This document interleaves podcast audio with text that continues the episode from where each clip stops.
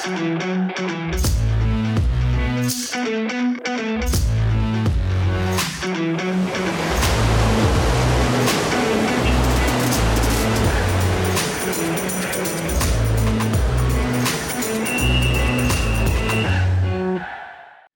svima i dobrodošli u 138. izdanje podcasta pod kapicom.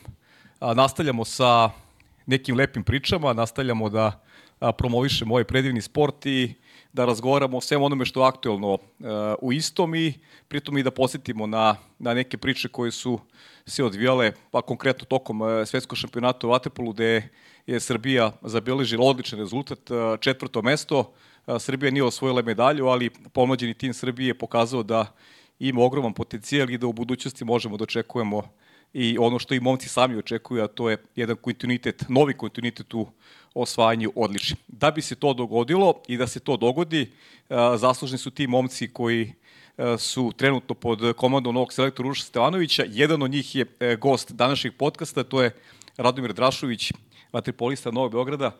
Raša, dobrodošao i konačno posle više mesečnih pregovora po znacima navoda ovaj, došao si u studiju na kraju univerzuma i kaži mi za početak kao i ko svi koji su prvi put dolazili ovde, kako ti se dopada ambijent?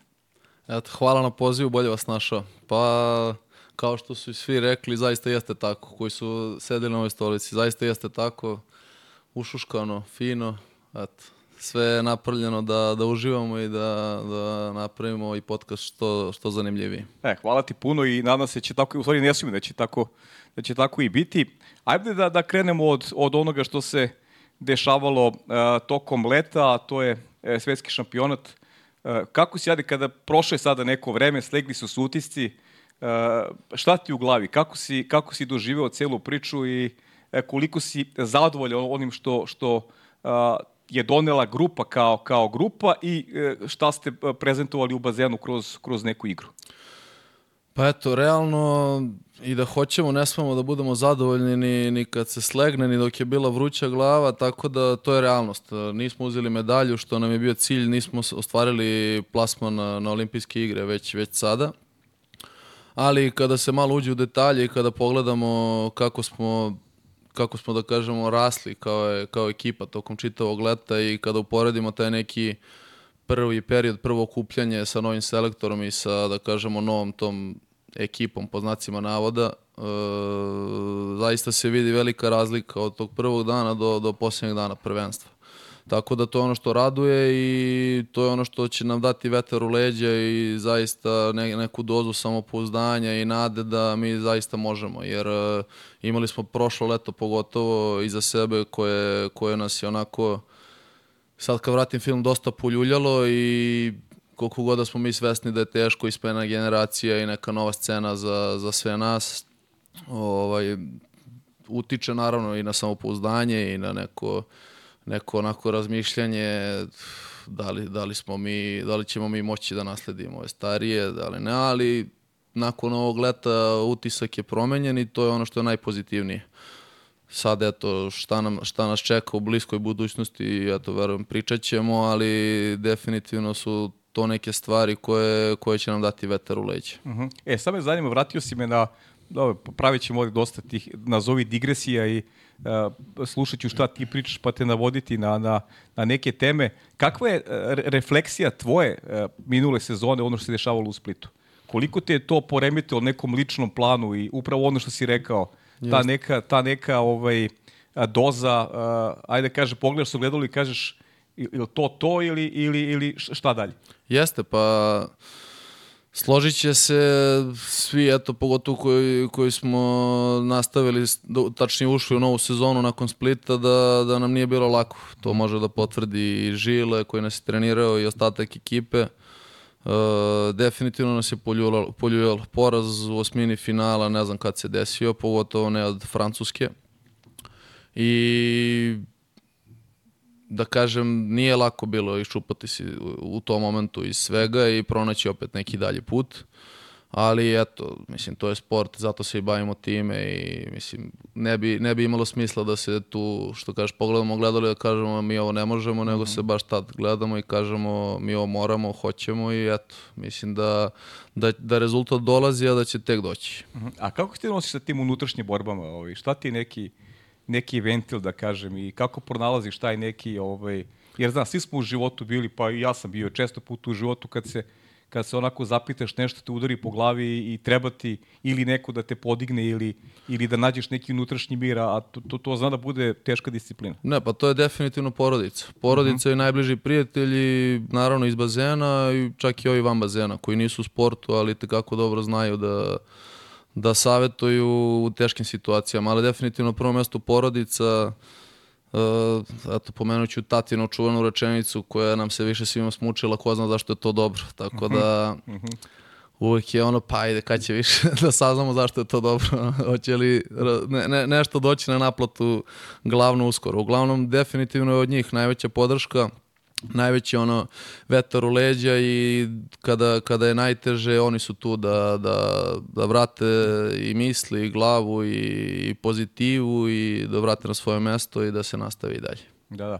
Super, ovaj, uh, ajmo ovde da idemo, znači taj, taj Split je taj Split je prošao, završena priča i uh, govorili smo o, o uh, tom tekućem svetskom šampionatu.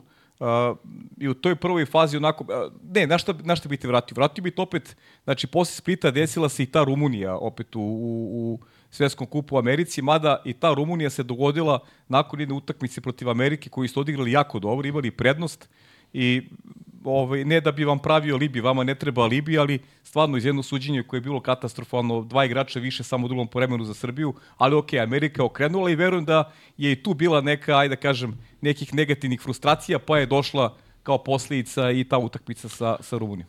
Jeste, pa, pa evo prvo ću da počnemo te utakmice sa Amerikom. Otvorili smo izvanrednu utakmicu, kontrolisali čitav meč, tačnije ne čitav, nego do kraja treće četvrtine, gde smo vodili 9-6. Uh -huh. I ajde da kažemo i možda malo s pomoć sudija, ali mi, mi smo odmah bili svesni da smo mi sami krivi, što nismo sačuvali tu prednost, koliko god da su nas sudije e, i to što kažeš nisu davali isključenja i njima svirali sve i svašta, ali opet prednost od tri gola razlike za jednu četvrtinu, šta god da je oko bazena ne bi smelo da, ne bi smeli da dopustimo sebi. Tako da rekao bih da je tu neko neiskustvo i neka nezralost i dalje u, našem ekipu, u našoj ekipi prevladala da, da, da nas Amerika okrene. I eto, dan posle sledi Rumunija koja mislim, ne znam, verovatno da igramo još to utakmica sa njima da nam se ne bi desilo ni jednom ovo, ovo što nam se desilo. Uh, oni su došli iz meča da su izgubili se od Italije recimo 20 razlike. Mi dolazimo iz ovog meča koje smo malo propisali. Mislim, sada da pričamo zašto i kako, ne znamo i dalje. To no. nisu glave na mestu, radimo greške koje ne radimo u životu. E, primamo sve što možemo, primamo, ne možemo da damo ništa i onda eto, desi se to, tu nema opravdanja nikakvog za, za, za taj poraz i za to što nam se desilo ali eto, možda je, možda i tad bio prelomni moment za, za nas, za, za ostatak, za nastavak leta. Uh -huh. A počelo je sa, sa Španijom, ona utakmica koja je onako bila poprilično turbulentna, dobar početak, onda ona španska serija, pa se onda mi vraćamo u on, onom finišu, negde se utisak da utakmica potrajala još malo da, da, da je moglo, moglo da se okrene, ali, ali neki dobar preznak onoga što, što se što se kasnije dešavalo. Jeste, pa eto, vratio bih se malo unazad odmah nakon Rumunije nekako smo se svi sa sob, svi zajedno unutar ekipe, da kažem, skupili, pogledali su oči ljudi zašto smo ostavili ono i porodice i sve što imamo na, na, na, na 50, 40 koliko dana. 43 dana, da. Eto. Ovaj, ako, ne, ako ne radimo ono sad što treba da radimo. I nekako smo tu, da kažem, verovatno taj dan prelomili. Sutradan smo se već e, protiv Nemačke digli pokazali neki već ozbiljniji nivo igre, jeste to Nemačka, ali opet je nama značilo da posle tog poraza pokažemo nek, neku reakciju. Nakon toga je sledio Kašivazaki pripreme sa Crnom mhm. Gorom i već se tamo videlo neko postepeno uzdizanje, dizanje i forme, fizičke i, i, i taktičke.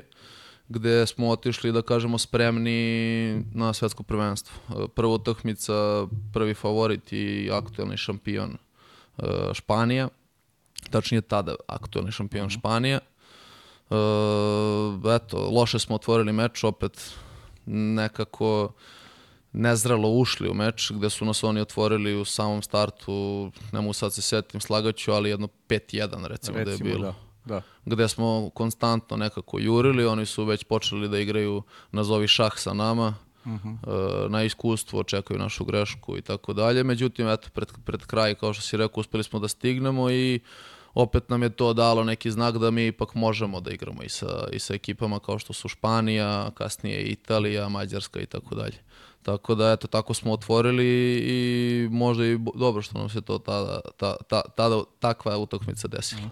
Šta je sa Špancima? U čemu je problem da, da, da imamo da imamo problem sa, sa Španijom već i ova generacija koja se koja je išla sa scene, koja se oprostila, ok, u, u Tokiju je ono sve bilo bajno u polufinalu, ali generalno onako nazire se već kontinuirano a, da postoji možda i najveći problem u, u tim utakmicama sa, sa Španijom. Šta je to što ih razlikuje u odnosu na, na druge ekipe? Šta je to što nama ne odgovara u odnosu na njih? Pa sad da li nama odgovara ili ne, možda nama ne odgovara njihova ta pokretljivost, agresivnost, brzina koju i mi moramo da, i, da i posjedujemo i da steknemo, koju trenutno možda i nemamo na njihovom nivou, ali on njih, ono što razlikuje od drugih ekipa jeste ta neka uigranost, složnost koja traje već Oni su na okupu, ja mislim, u, ovom sastavu uz neke minimalne promene sigurno jedno 7-8 godina, ako ne više. Sigurno. I generalno, onako i kada igramo protiv njih i kada ih gledamo, kada igramo protiv nekog drugog, tu se vidi da u svakom momentu svaki igrač, svako ne znam, svakom delu utakmice zna tačno šta radi i zna se koji mu je zadatak. I uvek imaju neku i alternativu i to se sad nadogradilo godinama i jako je teško zbog toga igrati sa njima, ali oni su i tekako ranjivi. E, ne, bih, ne bih ih stavio u koš kao sa našom prethodnom generacijom koji su bili realno dosta dominantni u odnosu na druge. Ovaj, ali eto, imaju tu neku prednost koju, koju polako i, i sigurno i ostale ekipe i, prist, i, i stižu i kao što su Mađari, Italijani, eto nadam se i mi uskoro. A koliko će se razlikuje ta njihova igra u momentu kada a, se penzioniše Perone, pošto ja verujem da njega motiviše i dalje činjenica da nema olimpijsku medalju i da, Jest. da mu je Pariz onako neki okidač ovaj, za to da i dalje gura, da naporno trenira. Jeste, pa verovatno da, da, da je to. On i dalje deluje u bazenu kao da je mlađi od, od svih ostalih. Ovaj, znači će, mislim, na njih će sigurno negativno uticati njih, njegovo penzionisanje, ali opet to je sport, to se dešava i oni će to na, na neki način nadomestiti, kako će to dalje izgledati, vidjet ćemo, ali definitivno da je on motor ekipe i dan danas. Ono što ste, ono što ste nasledili, ono što imate i vi u stvari, nešto ste nasledili, e, kao i vaši prethodnici, se ogledalo kroz utakmicu sa Crnogorom, pa i utakmicu sa Španijom. Ono što se meni sviđa kao nekom ko voli sport, što se ne predajete ne odustajete i e, u tim duelima sa ekipama koje su, ajde da kažem, trenutno u rangu, a verujem da će Srbija biti rang iznad kako vreme dolazi, e, čak i taj deficit rezultatski uspevate da, da, da ovaj, nadoknadite. To je bila utakmica sa Crnom Gorom gde, gde ste zaista odigrali fantastično i bili vrlo blizu da pobedite u regularnom ovaj, delu meča. Jeste, pa eto, mislim, taj mentalitet koji gradimo godinama i koji se u stvari ne sme nikad promeniti kogod da dođe i kogod da igra za, za Srbiju i ne samo u našem sportu, eto, pratimo i ostale sportove, to je tako. I generalno Rea, Srbija je bila uvek najbolja kad je bilo najteže, u najtežim momentima. I Tokio i Rio, dve najveće medalje su se desile posle nekih slomova, mislim slomova teških momenata u grupnoj fazi i tako dalje. Tako da, eto, to bi volao da nas krasi i dalje, iako bi više volao da eliminišemo te, da kažem, loše otvaranje utakmica i, i prvenstava, ovaj, da bi spasili, da bi, da bi ulepšali sebi život na samom takmičenju. Ali da, eto, protiv Crne Gore opet loše otvaranje utakmice, oni su nam, ja mislim, 5-0 Jeste otvorili utakmicu Crna Gora koju smo pobedili više puta u Kašivazakiju na, na Kao, pripremnom. kao i Španija u Podgorici na onom turniru Da, ovaj, za, za svetski kup. Da. Isto je bilo 5 da, da, da. I opet stizanje. I opet stizanje, da. Pa to je neka, ne znam kako bih koment, to okarakterisao kao nezralost, neka neiskustvo i dalje i nekako smo svi... Proces školovanja. Pa jeste, mislim, ajde da kažem da, da ne bi trebali time da se tešimo, ali mm to je tako i to moramo, što se pre suočimo sa tim stvarima, lakše ćemo ih i brže prevazići. Jasno. Ovaj, eto, desilo nam se opet loše otvaranje protiv Crne Gore i opet jurnjava i stizanja, ali nekako u tim utakmicama se ekipa još više sjedini, još više, e, kako da kažem, posle takvih momenta postaje, postajemo lakše jedink, što mm -hmm. je potrebno za dalje, mm -hmm. za dalje put. Pa pobede vajde najbolje onako ujedinjuju i, i prave, prave atmosferu, ambijent. Naravno. Pogotovo takve pobede. Tak, da, Mislim, da, da. kad bi morao da, da, da biram, lakše bi bilo da otvoriš utakmicu, lepo pobediš, uh mhm. -huh. ali opet na kraju draže, slađe i, i lepše kada, kada se tako i okrene i kad se ekipa skupi i onda zaista, zaista daje dodatnu snagu za, za dalje. E, znaš, imao, imao sam priliku da gledam tokom turnira, Japan sam gledao u dva navrata protiv Mađarske i sad ne mogu setiti koju drugu utakmicu sam gledao. Hrvatska u grupi. Sa Hrvatskom, bravo. I onda sledi ta osmina finala gde je bilo onako malo bojazni, iskreno, i ovaj, u komunikaciji sa, sa ljudima iz Vatrpole, tako da je taj neki njihov ovaj, atipični stil koji bi možda mogao da napravi problem, pogotovo što Srbija sa sedam debitanata igraš na gost, u gostujućem bazenu i, i onda dolazi utakmica gde, gde je Srbija pobedila Japan lakše i od Mađarske i od onako jedna super kontrola bez ozir onih startnih 0-2, ali baš onako jedna utakmica kao pokazatelj ogromne razlike u kvalitetu i, i neke sigurnosti igre. Znaš kako ste delovali na tom meču? Kao da ste zajedno, ne znam, 15 godina. Eto, bukvalno je, je tako izgledala ta utakmica. Jeste, pa zaista smo tu utakmicu pripremali kao, kao i svaku drugu, kao da je finale. Pripremali smo se za Japan, uh, Mislim, nešto to je Japan, nego je jednostavno ta faza koja nas je već koštala uh -huh. u, u Splitu, što smo pominjali, ovaj, plasmana na, u, borbi, u borbu za medalju. Ovaj, pripremali smo se maksimalno ozbiljno i na, na, maksimalno, na naj, najvećem mogućem nivou. E, znali smo da taj pressing što igraju i ta njihova igra je na tom nivou možda prva, druga i treća četvrtina, ali ukoliko budemo radili onako kako se dogovorimo, protiv njih stvarno nema, nema, nema prostora za grešku. I eto, 2-0 su poveli, mi smo i tad imali utisak kako kontrolišemo sve, kako je sve okej. Okay. E, nastavili smo da radimo ono što smo se dogovorili, nešto što je nije karakteristično za kada se igra protiv nekih ostalih ekipa. E, sama ta formacija i tako dalje. Ovaj, I eto, kao što si rekao, i mi smo se tako osjećali, verujem da je delovalo da smo rutinski odigrali do, do, ba, do kraja meča. Baš delovalo tako, onako, baš neka, neka sigurnost koja je bila prosto zarazna i e, sigurnost koju ste vi ovi, ulivali i nama koji gledamo i onda smo sa nekom, uh, nekom dozom neizvesnosti i većeg iščekivanja uh, ovaj, gledali na tu utakmicu s Italijom. Jer... Jeste, pa verujte, jeste da je Japan, da kažemo i dalje nije u, u, u vrhu vaterpola, ali nama je ta utakmica izuzetno pokazala, ok, mi smo sada već uh mhm. -huh. ozbiljna ekipa, koliko, iako to, to u tom momentu realno nismo, uh mhm. -huh. treba još vremena da bismo mi bili o, u samom vrhu, kao što smo pominjali, ali eto, u tom momentu, što kažeš, fatamo se za svaku moguću pozitivnu stvar i gledamo kako sami sebe da, da dignemo i da dižemo samopouzdanje i tako dalje. Ja, kaže mi sada kako ste se osjećali vi pred Italijom, a, liči neki tvoj osjećaj, ili, ili si ovaj, a, verovo je da je moguće pobediti Italiju, jer Italija pre početka prvenstva slovila za jednog od favorita. Znači, Španija, Španija, Italija, Mađarska. To je možda bila neka, ajde da kažem, neka realna projekcija onoga što su, što su realne mogućnosti. E, pritom, Italija je igrala finale na polsvetskom šampionatu u, u Mađarskoj, izgubili su na peterce, imaju stvarno jednu, jednu dobru ekipu. E, kakav je tvoj feeling bio? Ovaj, e, ili si znao negde, imao neku projekciju šta treba da se uredi da bi se povedala Italija?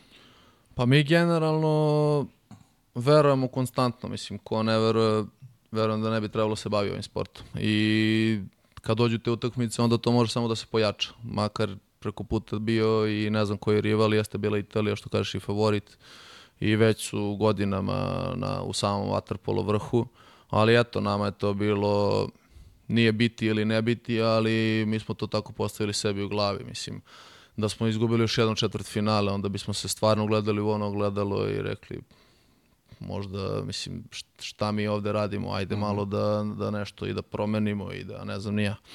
Ali, eto, u takvom momentu svi znaju koliko je četvrt finale i, i teško i, i bitno i da ne nabrajam sada i dođe ti na, na put takav rival, mislim, nema šta, mora da veruješ, grizaš i sve snage od prvog momenta i tako je bilo. Iako smo mi njih na peterce pobedili, ne znam kako je sad delovalo s polja. Mislim, gledamo i mi nakon utakmice, možda malo iz nekog iz neke subjektivnije perspektive, ali opet vidimo da, da tu utakmicu usudio bih se da kažem da smo stvarno i odigrali bolje od njih i da smo zaslužili plasman u polufinale. Jeste bio na peterce, kažem, ali to je, neki kažu lutrija, ja mislim da i nije baš lutrija, to se zaslužuje. Ja se, ja se ne slažem uopšte da je lutrija. Eto. Vići da je to koncentracija, kvalitet, nema tu sreće, to je... Jeste. Neće tebi sreće pomogne kad šutiraš, nego, nego neko tvoje umeće i tvoja koncentracija. Jeste, pa izuzetno utiče na to sama ta utakmica, kako si odigrao, kako si, da li si zaslužio dođeš do peteraca, da li nisi. Nekad i ne bude ishod kao što bi trebalo, ali opet i to je nešto zašto se, zašto se desilo, ima, ima razlog. Tako da ja verujem da je to tako. I eto, zasluženo smo prošli u polufinale. Ja, pa znaš kako, ja, se, ja pamtim samo jedan poraz u nekoj prethodnoj dekadi na peterci, to je od, od Španije, ono u, u, Budimpešti. u Budimpešti. I nijedan poraz. I zato i kažem, to je, to je kvalitet, nije to, nije to sreća. Jeste. Znaš, šta, stalno te prati sreća, pa nije. Nego nije, nije. Prati te znanje i ono što imaš, ono što nosiš. Da. Tako da, uh, ali, ali i, i, to je lep moment da imaš dve situacije, ti peterci i obe si ovaj, rešio u svojoj koristi. To opet govori nešto o, jest, o karakteru. Jeste, jeste. Pa mislim, to je sve, ajde da se ne ponavljam, ali definitivno se to zaslužuje. I to možemo da diskutujemo, sada sedi neko sa nama ko se ne slaže sa tim. Da. Moguće da, da ne možemo da dođemo do rešenja, ali to je kako, kako, se, kako ko osjeća, tako mm -hmm. da eto. Dobro, i kakav je sad osjećaj, ono, to, to me zanima, kakav je sad osjećaj? Da li sad ima ovaj neke neke euforije kako se razmišlja posle e, e tog polufina, posle tog četvrtfinala. Sa sad si svestan već da taj jedna utakmica deli od olimpijskih igara, delite od od medalje. E, prve medalje za mnoge koji su tu koji su tu u bazenu. E, kako si ti razmišljao, kako si se osjećao? I šta, si del, šta ste delili vi unutar ekipe, ako, ako pošte smemo to da znamo? Pa, mislim, ništa nije, tu nema ništa sakriveno, nije ništa bilo što, što nije za javnost. Definitivno smo doživjeli veliku euforiju, dobili velika krila, koja smo, ispostavit će se kasnije, morali malo ranije sebi da skratimo i da pristupimo polufinalnoj utakmici malo drugačije. Uh, bili smo srećni, prezadovoljni, ušli u polufinale, uh, konačno eto i nama to da se desi da se borimo za medalju i da, i da eto, neko, neko delimično ispunjenje za, za sve nas, uh mhm. -huh. unutrašnje ispunjenje. Tako da nismo možda do, do, do polufinalne utakmice uspeli da se, da se oporavimo od te euforije i da, da, da se spustimo na zemlju, da kažem, opet ulazimo u polufinalnu utakmicu sa Grčkom, koju opet otvaramo, gubimo 4-1, 5-1, gde tada više, mislim, ne, nema snage, nema, ali to je polufinale i Grci opet malo ozbiljnije to shvataju, tačnije ne dopuštaju da, da neozbiljno shvate, shvate prednost od 5-1 i kontrolišu do kraja, do kraja meča. Mm. E, baš je utisak neki bio da je to neko njihovo iskustvo, bez obzira što nisu imali Vlahopolosa na turniru, to neko njihovo iskustvo i ajde kažemo, taj neki jelan koji su dobili na olimpijskim igrama osvajanjem srebrne medalje i opet i to je ekipa koja već duži niz, period, duži niz godina igra zajedno i, i kao da je, je to to neko iskustvo i mirnoća koju su imali, neko su im dali, dali vetar u leđa ovaj, da, da, da, da dođu do, tog, do, do te pobede. Pa jeste, mi smo, ne znam kako je delovalo, ali i u tu utakmicu smo ušli sa još većim žarom nego u četvrt finale. Sad ne znam kako je to delo s obzirom da smo otvorili opet 5-1. Znaš kako, evo, ti kažem iskreno, kako meni delovalo? Kao da smo mislili lako ćemo. Ne, meni je delovalo kao da ste igrali srcem, a, a manje glavom. Dosta manje glavom. Kao da vas je srce vuklo Jeste. i hteli ste da rešite da, da, da što pre to izgleda kako treba. A, a, Olako smo primali golove, pogotovo Da. u tom početku. Olako neki primjeni golovi koji, koji smo ne, ne bismo smeli da opustimo ni, ni na pripremama, a kamoli u polufinalu. A opet u napadu neka brzoplatost, jurnjava, hoćemo da damo dva gola u jednom napadu, svi znamo da to ne može. Pa onda kao ja, neće me prečka i to je ono što sam rekao i to se nekako zasluži, nije, nije prečka kad pogodiš, znaš da si pogodio, nije kao u futbalu, pa Da, da. uza malo. Ovde kad pogodiš prečku, to je dobar promašaj. Mhm. Tako da, eto, brzopletost, neka nepromišljenost, svesni smo bili svi i u, i u tim momentima da treba da se da ohladimo glavu, ali eto, ispostavilo se u toj utakmici da je, da je, da je bilo kasno, već, već na poluvremenu smo imali ozbiljan zaostatak. Da, to se teško nadoknađuje, pogotovo u takvim utakmicama koje, Teško.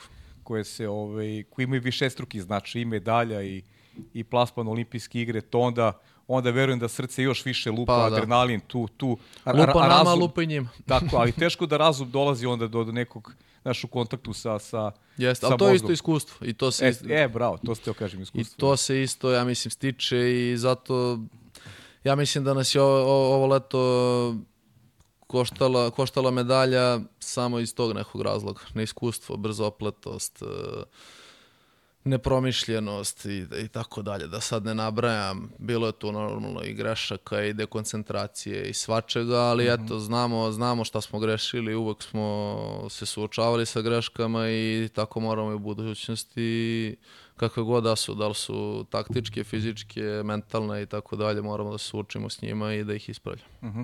E, znaš kako, ja sam sad, pričao sam opet i sa, i sa Strajem kad je bio ovde i ovaj, opet sa, sa nekim ovaj, drugarima, ja sam najponosniji bio na vas posle te Španije, kako god to zvučalo, jer meni je onako baš bilo puno srca, jer ste se baš lepo pobili sa njima u tom meču za treće mesto. I tu i opet nedostalo sve ovo što si ti, sve što si nabrojao, to neko iskustvo, mirnoće o nekoj realizaciji, malo više strpljenja, opet oni imaju veći naviku pobeđivanja kad igraju protiv Srbije i to nije zanemarljivo uopšte, ali generalno nešto, ajde da kažem, taj neki vaš pristup i, i način na koji ste se njima suprotstavili je, je potpuno drugačiji bio u odnosu na onu prvu utakmicu i, i nešto što je, verujem, prihvatljivije i vama samima, samima jer, jer imate možda, ajde da kažem, neku bolju vrstu iskustva kako da igrate sa njima u, nekom, u nekoj sledećoj utakmici. Jeste, pa pristupili smo samo meču, kao što si rekao, dosta drugačije odnosno na prvu. I generalno nama taj meč, ko- iako nije nosio vizu za, za Pariz, eh, dono- donosio nam je medalju. Tako je. I ta medalja je mnogo više svima nama značila nego, nego Špancima. I tako smo i ušli meč i tako je delovalo u čitavom prvom poluvremenu. Mi smo otišli na poluvreme, gubili smo 6-5. Generalno imao sam utisak da smo bolji, da smo kontrolisali meč. Opet neke greške, neki, ne- neki propusti, ali generalno znaju svi igrači šta znači ono, unutar, unutrašnji osjećaj tokom same utakmice kada, kao ono što smo pominjali protiv Japana. Znaš da kontrolišeš iako to rezultat ne, ne pokazuje i doći će u trećoj, četvrtoj, doći će. E, međutim, treća četvrtina totalni neki preokret i kolaps kod nas. Mi više bukvalno go ne možemo da damo. Opet brzopletost, možda još veća nego protiv Grčke.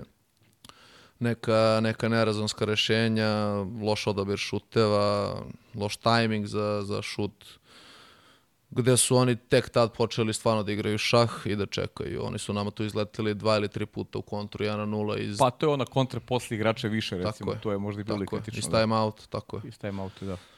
Tako da, eto, ostao da smo bez medalje, ali baš je bilo teško i baš nam je bilo žao posle te utakmice, možda čak i više nego posle polufinala. Ali, Pa eto, zato što ste ovde bili blizu. sad ide ona Ćalatova rečenica, ko zna zašto je to dobro. pa da, pa dobro, to je, kako bi ti rekao, to je dobra rečenica. Pa, Zaista. jest. Jer to je sve proces, naš, u nekom sazrevanju, nekom putu koji, koji te čeka sutra. I pritom, ove godine, priprema za klubsku sezonu, mora da se osjećaš bolje poletnije, jer, Pa naravno, jer, jer, jer si, maš, i ti kao pojedinac i ceo tim dali ste sve ovaj, da, da, da uradite nešto veliko i za, i za zemlju i za sebe. Jeste, pa velika razlika odnosu na prošlu sezonu nakon Splita. Tako je. Da. Tako da to se već vidi i već, mm -hmm. već se sad vidi da smo u većoj euforiji, želji mm -hmm. na, pogotovo što je naravno klubska sezona i olimpijska godina. Svi znamo, svi sportisti znaju da je olimpijska godina nešto drugačije odnosu na sve ostale sezone. Mm -hmm. Motiv puta tri, želja za treningom, za uh, napretkom, za utakmicama puta tri. Mm -hmm. Sve ostalo van bazena se smanjuje, samo su oči uprte na, na bazen i na te olimpijske igre. Mm -hmm. Jel te prati to, imaš to, osjećaš tu euforiju? Pritom u dobrim si rukama, žile neko ko, ko tebi veruje, ti si sa njim radio i u, i u Solnoku, da. tako da dobro se, dobro se poznajete. Da, da, da, pa i kako, kako, kako nema, mislim, taj, taj unutrašnji osjećaj koji ja verujem sad svi ostali imamo, mislim da će nam donati dobro. Uh -huh. A kaži mi ovaj, sam, sama atmosfera u ekipi ili si, ili si sa tim segmentom zadovoljan, koliko je pomoglo, kako se sošćali ta 43 dana odvojeno od kući, jer to, jel, jel donosi neke ovaj, nesuglasice e, među vama, a opet u drugu, ja kako gledam, može da pomogne ovaj, u neku ruku da se, da se napravi neki i bolji ambijent, ovaj, možda se to s igračima sa kojima ne, ne treniraš redovno pa da napravi tu neku bolju konekciju za ono što vas čeka sutra. Ne znam, prosto glasno razmišljam, mada zna da to odvojenost pa, lično i smeta. Uh, očekivali smo više nesuglasica i baš smo se šali na tu temu ovde ako se ne poubijamo do, do zadnjeg dana, ništa nismo radili. Ali nije tako. Pa verovatno kroz, kroz te utakmice kako smo rasli, tako je i, i van bazena, energija, rasla i ta neka naša povezanost, sve više smo se i družili, imamo tu neku sobu gde, smo, gde se okupljamo, sve češće i češće su svi na okupu, tako da generalno i u tom segmentu smo zaista rasli tokom leta. Ja, pa to je super za čuti baš. Da. Ja to znam da i u drugim, da, mislim, znam da i ova starija generacija imala taj neki kao, Jest. neki kao bife soba i to, to je stvarno lepo, jer, jer, jer kolektivni sport, ako nemaš dobru atmosferu, ako nemaš dobar ambijent, uh, džabe 12 vrhunskih ovi individualaca, ako oni ne mogu neke svoje sujete da pomere unutar ekipe i da, i da naprave neko, neko jezgro zdravo koje će da im ovaj, pomogne da, da svi zajedno dođu do, do zajedničkog cilja. Apsolutno se slažem. Najbitnije timski sport, atmosfera, energija, povezanost, uh mhm. -huh. sujeta na stranu i samo tako se može do, do, do, do najvišeg cilja. Dobro, ajde sad da, da završimo ovaj, ovaj, ovu sekvencu, repetitivnu, aktivnu repetitivnu sekvencu. Uh, čeka nas u januaru i februaru evropsko i svetsko prvenstvo, gde valja ovaj, doći do medalje, a valja obezbediti tu olimpijsku vizu. Nije malo lak posao, s obzirom da uh, je ulog ogroman. Pa kako gledaš ajde na, na, na, na, na te, na, na te ovaj, turnire i Ovaj, I da li će nas biti u, u Parizu? Ja verujem da hoće. Zašto da ne? E, nije, rekao si, valja obezbediti, nego mora. To je poslednji voz za Pariz. Da, nema, nema drugi. Svetsko. nema kvalifikacija, svetsko, da. nema... Na evropsko prvenstvo nosi jedno mesto. Tako je, samo zavisi ko, gde Tako se plasiraju Mađarska i Grčka, ali da, jedna pozicija i sa svetskog još četiri uz Francusku koja je domaćin, još četiri. Tako da prostora ima, e, opet nećemo gledati na te, na te turnire kao nešto karta za Pariz, ovo ono, idemo utakmicu po utakmicu, korak po korak, opet gledamo da rastemo što više i i mislim da samo tako možemo da, da dođemo i do Pariza, a i do medalje uh mhm. -huh. na ta dva takmičenja. Dobri, onda Pariz dvostruko zlato se brani tamo. Jeste. To brane Jakša, Jakša. Sava i ko ima, a mi da. grabimo prvo. I Manda ako. Manda, da. Da, Manda brani isto. Jeste, a mi grabimo prvo. Pa ništa želim ti da bude prvo. Hvala. Ajmo da čujemo jedno, da čujemo jedno video pitanje, Vlado, da malo razbijemo ovu priču. Dobar dan, pozdrav Pavlu i Raši i svim ostalim u studiju. Samo što mi deki ne čujemo. Evo dva pitanja za Rašu. Prvo, ne čujemo. Kako je sad došlo do promene generacije? Pošto igrao pa, sa ovim velikim šampionima Bitno je ti čuješ. prethodnim godinama. da mi napravi paralelu vezano za svoju ulogu i kako, ovaj, kako se osjeća u tome.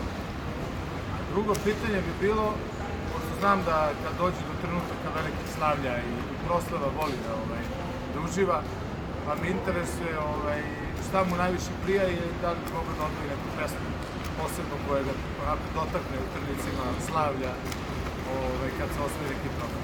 Pozdrav svima i čao. Deki. Očekivao sam ako nešto, pošto sam ja njemu. Da. Ovaj, pa eto, prvo pitanje je vezano za smenu generacija, svoju ulogu i tako dalje. E, I u reprezentativnom i u klubskom, u klubskom do duše koju godinu ranije, ali pogotovo reprezentativnom sam došao do neke nove uloge i smenom te generacije i tih velikih šampiona koji su imali uloge lidera, vođe ekipe, došli smo do situacije da to neko mora novi da preuzme, e, da će tu da se, da kažemo, iskristališu neki novi lideri. E, sada mi se svi dalje tražimo tim ulogama, ovo leto je Jakša pokazao i tekako da je novi lider, ali svi znamo da, ok, lider treba biti jedan, ali mora da ga, da, da, da ga prati još, još momaka, ako ne i ceo tim. Tako da i dalje se nekako, da kažemo, tražimo u tim nekim, ne tražimo se, ali dolazimo do tog nekog nivoa uh, Neke uloge koje neke uloge i neke, neke pozicije u timu. Tako da, eto, to je tako. A na klubsku, klubskom vaterpolu, eto, tom smenom i kako se zove, e, nekih, da kažemo, do, došle su nove uloge, e, prvo kroz klub, u sport managementu, kasnije u Solnoku, sad i Novi Beograd i generalno ako se ne varam, pitao me kako se snalazim, kako se osjećam, da mi prija i te kako mi prija, pogotovo mi prija kada to bude na pravom nivou, tako da verujem da će to tek biti pravo. A ovo na kraju. A drugo pitanje, pa on verovatno misli na pesmu koju, koju ja njemu posvećujem uvek kada se nešto slavi, koju on i otpeva ovde. Mhm. Tako da, eto, to je moja omiljena pesma na slavljima i kada se ne slavi ništa, kada se, eto, samo uživa. Tako da, eto, nju bih izdvojio, eto, pozdravljam ga ovim putem. Pozdravljam, pozdravljamo Dekije, ovaj, neće da peva Deki, da znaš. Ali dobro. Ja, bolje da ne pevam. Bolje da ne pevaš, a dobro. Gasi se ljudi podcast. Znaš šta sam ja primetio sada, apropo ovog Dekijevog pitanja, i to sam govorio u, u prenosima ovaj, o, o prošle ove sezone Lige šampiona, da si neko uh, uzeo sam mnogo veću ulogu u smislu, ne znam, nekih važnih šuteva, nekih važnih golova, ako se ne varam, u odnosu na recimo onu pretprošlu sezonu, da, da je ta neka odgovornost koju možda i sam osjećaš sada, sada veći, sad ne znam, ajde, neću da ulazim u detalje šta trener traži od vas, ali, ali negde se vidi napredak u tom, nekoj, u tom nekom segmentu, makar ono što sam ja primetio. Pa jeste upravo to, ja nisam hteo toliko da ulazim u detalje na, Ovo na priča Odekijevo pitanje, tako Aha. je. Ali eto, to kao što si ti rekao, preuzimanje odgovornosti i e, uzimanje nekih bitnih šuteva, konkretno i to neko liderstvo u odbrani, komande i tako dalje, to je nešto na što on aludira i što bih ja trebalo da, da što bi mene trebalo da krasi. Tako da mislim da me krasi, a mislim da će tek doći do, do pravog nivoa. A kaži mi kad smo već kod pesme, ko je tamo zadužen za atmosferu reprezentacije o 4-3 dana? Ko je bio taj koji ima neki ukidač da vas ovaj drži na okupu da nekim vicom, nekom, nekom pošalicom? Pa ne znam, svi su nekako imali svoju ulogu u tom našem, u toj našoj, u toj našoj sobi. Mhm. Ne znam koga bih izdvojio. Eto, da, da, da ne bude... Kao što je ranije to bio Ćule, kod nas ne znam koga bih izdvojio. Možda bolje da pitaš nekog drugog ko bi mogao to da ti kaže, ali... Eto, i Bane, i Đole Lazić, i Jakša, i Straja, i Sava. Mislim, sada da ne preskočim nekog. Zaista su svi vedrog duha i uvek dobro raspoloženi. Dobro. A šta se sluša? Ima neka, neka specijalna ovaj... Pomenjamo nekad kad se slavi, zavisi šta se, zavisi šta se konzumira. Aha. Na prvenstvima se uglavnom sluša lagana muzika jer se konzumira lagano voda i, i tako te stvari. A, Mjekurići, kisela da, voda. kisela voda. A sluša se kad se slavi, eto. Dek je sam načeo tu temu, već smo je prošli. I Da, da, da. narodnjaci i I tako. Znači ima, ima svega. Ima Mešano svega. meso. E, kaži mi šta, ajde, klubska sezona. E, malo ću da te vratim dve godine nazad. Novi Beograd je finalista ovaj, Lige šampiona. Nedostoji taj završni korak protiv realno najmoćnijeg kluba na svetu, na, protiv Pro Reka. Čak i ona prethodna godina je, ona bili ste, ne da ste bili bliži, nego Novi Beograd zaslužuje tu da, da uzme titulu, jer bili ste bolji od Pro Reka, realno. Ove sezone je malo drugačije, Pro Reka je neko bio, ako ajde kaže, dominantniji, ali i to su neki stepeni u razvoju kluba. Kako si zadovoljan? A, nakon povratka u Srbiju, pa ćemo da se vratimo nazad. Kako si zadovoljan klubom, a, sa igračima, tvojim napretkom i sve onome što, što vas čeka naredne sezone? Generalno, opet se vraćamo, nama je cilj kada smo se, kada je napravljena ekipa, cilj je bio osvajanje naravno i svih trofeja i Lige šampiona, tako da opet ne smemo biti zadovoljni. Ali, eto, dva finala za redom. E, prvo, kao što si rekao, možda smo i trebali pobediti, ali eto, opet na peterce. Ko je zaslužio, ko nije, ne znam, ali nismo pobedili iz ne znam, ne, iz ne znam ni ja kojih razloga da. da kažem nismo zaslužili, ali, ali eto, bili smo na, na, na jako malo do, do titule, a prošle godine su nekako Proreko je realno bio dominantni i tačnije ove godine. Da. Bio dominantni i nekako su to iskusnije i i bolje odigrali čitavu utakmicu. Tako da, da kažemo da smo te druge godine znači, bili malo dalje od titule. Nadam se da ćemo sada opet biti još bliži, ako ne i najbliži, odnosno da je, i da zapravo osvojimo titulu, ovaj, jer svi u klubu i igrači i uprava i treneri, svi imamo preveliku želju da se domognemo te titule. Mm -hmm. Tako da eto, ne smemo biti zadovoljni, ali generalno u klubu je odlično. Od, kad smo, od samog momenta od kad smo došli, uh, mislim uslovi su u klubu izvanredni. To znaš i ti, znaju i svi koji, koji gledaju podcast. Uh, imamo uslove kakve nema ni jedna ekipa u, u Evropi. Od bazena, slačionica, teretana, uvek na raspolaganju. Svi znamo koliko to klubovi kubure sa tim stvarima ovaj, uvek je sve na, na najvišem nivou i zaista mogu samo da kažem da, da imam pozitivne reči za, za moj sam povratak u Beograd. Uh -huh. e, malo, se, malo je drugačija ekipa u odnosu na, na prošle godine, došli tu do, do nekih e, promena, kako se uklapaju uh, novi, novi igrači, nema dileme da ste najveći favorit iz osvajanje uh, trofeja u ovim domaćim okvirima, kad kažem domaćim okvirima, mislim i na, i na regionalnu ligu, mada je i Splitski Jadran onako značno povećan, mislim da će to da bude i najveći rival kada govorimo o, o regionu. I naravno neizbežna tema svako Liga šampiona da je si rekao da je onako cilj da se napravi da se napravi korak više, ili smatraš da, da s igračkim kadrom koji imate da je, da je, da je, to, da je to izvodljivo? I te kako, zašto da ne? sad na papiru da li smo bolji ili loši, ne, to ne, će vreme, naravno. Pokazat će i vreme i to nikad ništa ne mora da znači. Uh -huh. Već više utakmice je dobila ekipa koja je loša na papiru. Sad kad, kad bi vadili statistiku, ja verujem da je tako. Ovaj, a ove godine možda i nismo, da kažem, favoriti ko što smo bili možda prošle, pretprošle u Ligi šampiona. Uh, sada su tu već nekako ustaljeni Ferenc, ovaj, Proreko i uz njih sada već i Ferenc Varoš yes. postoje ozbiljan konkurent. Yes. Ali opet to ne mora ništa znači, imamo i slučaj Olimpijakosa pre dve godine koji je, je. kojima je prognozirano i finale i osvajanje, nisu se ni kvalifikovali na Final Eight. Tako da eto, vidjet ćemo na nama da gledamo u naše dvorište, da se mi skupimo što tačnije da izgradimo neki nivo igre zavidan što je premoguće, jer Biće teška klubska sezona izlomljena na dva dela zbog reprezentativnih obaveza. Ovaj, tako da, eto, tako ćemo se i postaviti, opet uložemo novu, novu, novu energiju, novi trud da, da budemo pravi tada kada bude bilo najpotrebnije. E, a to je, to, to, to je baš bilo sledeće pitanje i najteže ove godine da bu, biti pravi. Tempirati form. Tada je, da, tempirati form. Viš, Evropsko prvenstvo u januaru, svetsko u februaru, imaš završnicu klubske sezone i onda olimpijske igre da će Bog da bude olimpijski igre.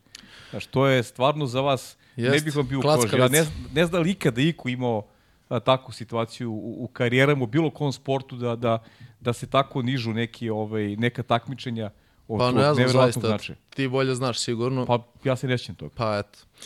Ali da, najbolje je biti u formi od, od novembra do, do avgusta. da, U top formi. ako je moguće, da. tako, tako da, E, ali onda mora samo da se pije voda i kisela voda. naravno, pa to je ono što sam pričao, olimpijska godina, sve, sve je drugačije. Sve je Evo, drugačije. vidiš, nisam teo ništa Pa drugo. znam, ki, da, obična voda. Jeste, Ovo je jedan od redkih koji, koji pije običnu vodu u ovom podcastu. eto, da se zna. da se zna.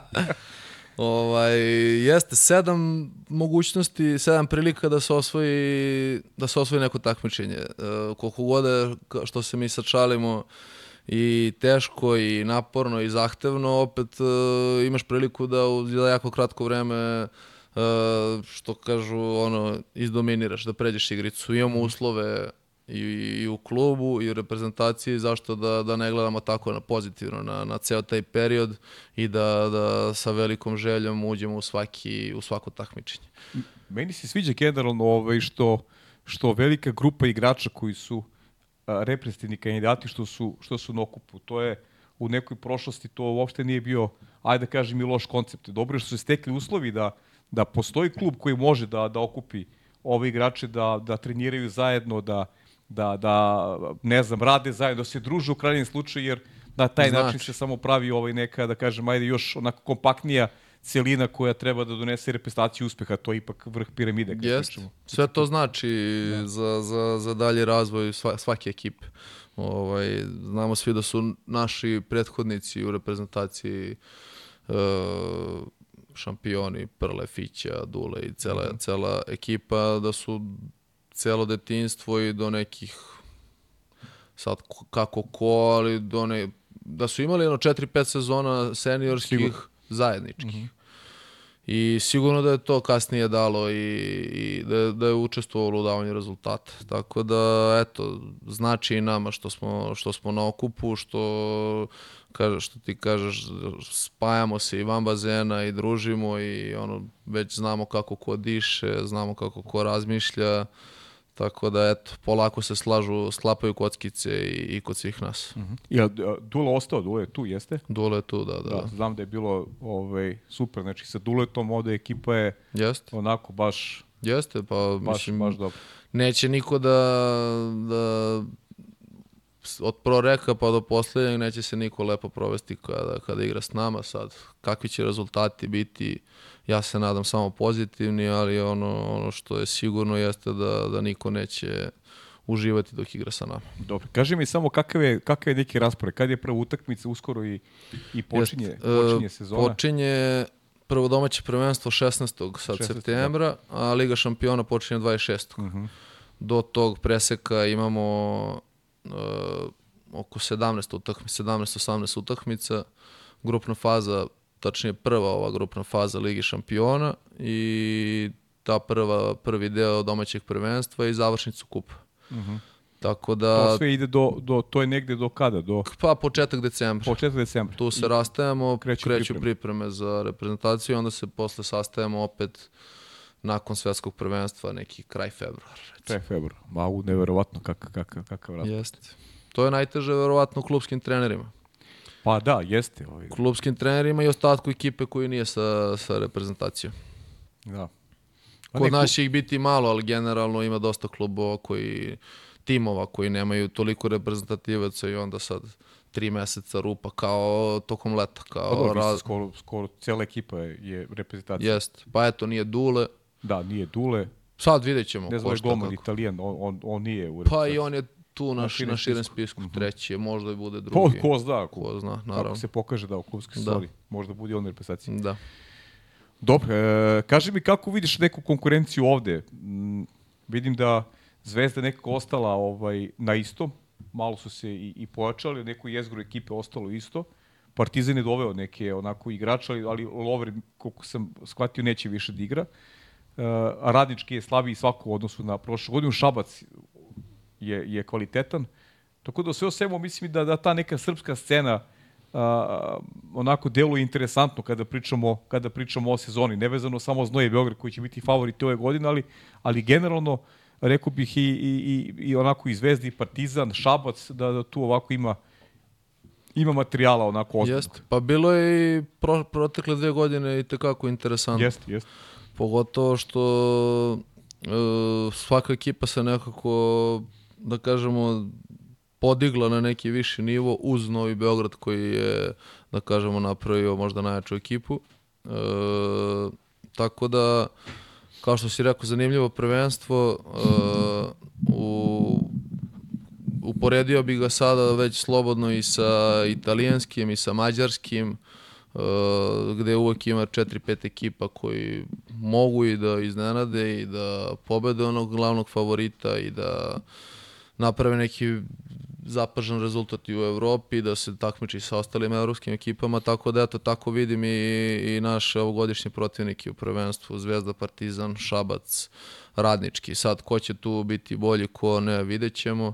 Ovaj, nadam se da, da nećemo dopustiti sebi kikseve kao prošle godine, gde eto, neću bežimo od te uloge favorita, to se zna da smo u svakoj od tih utakmica favoriti, tako da nadam se da ove godine neće biti, biti tih kikseva i da, da bismo trebali da, da bi trebalo da nam niko od njih ne pomrsi konce. Uh -huh.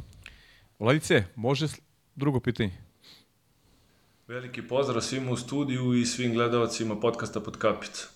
Rašo, za tebi imam jedno pitanje. E, pošto znam da često menjaš cimere, e, pa me zanima koji ti od njih najviše paše i sa kim najviše voliš da deliš sobu. Pozdrav. Žele moj cimer. Sad moram da kažem da mi on najviše paše. da. Šalim se, pa jeste, menjao sam, eto, sticam okolnosti i klubovi i reprezentacije, nikako se nije desilo da sam s nekim, da kažem, sklopio to cimerstvo, taj, taj pakt, ali eto, moj novi cimer već kroz zadnje 3-4 godine je Đole i eto, za sad mi on najviše paše. Sad imam novog cimera u klubu, Jakšu, imao da. sam prošle godine Straju, protekle dve godine Straju, ne bih ni njih zapostavio, ali... Aha ipak više, višegodišnje cimerstvo sa Đoletom mora da, da bude na prvo mesto. Prvo mesto, eto. Eto, Đole, pobedio si. A, znači, A ja... mora da dođe on ovde. Ja, Rašo, muku muči sa njim, znaš. Teže bilo sa njim nego, nego sa mnom. muku muči sa njim, znači ne mogu da ga, ovaj, znaš, imam, pošto to, to više nije tajna, neku, neku ovaj, knjigu završavam oko, oko olimpijskih igara, vezujem Aha. Rio i Tokio i onda mi on, naravno, neophodan za to. I nešto radio, slao mi je voice o, o, o svemu što me je zanimalo o njemu, slao mi je voice jer neće da ovaj, dođe. I šta da radim sad, ne mogu, ne mogu da ga nateram. Moj cimer i ja ne volimo kameru i, i mikrofon, ali dobro, eto. Ubedit ćemo i njega. Ajde. Mislim, Zato sam sad namerno ovako javno, pa eto. Znaš kako, ja se uzdam da ćeš ti da ga ubediš, inače mene neće slušati, vredi. Sad hoću ja. Ti si cimer, izgleda da cimere pre sluša nego, ovaj, nego, nego novinar. Dobro što je tako. da, pust, nema veze, neka. Ne zameramo ništa, naravno, šalimo se malo, Đole, da. kad budeš bio spreman, tu smo. E, ajmo da se vratimo malo na, na, na neke početke. Ovaj. Ti si prvi put si ovde, pa, pa je lepo podeliti tu neku tvoju priču.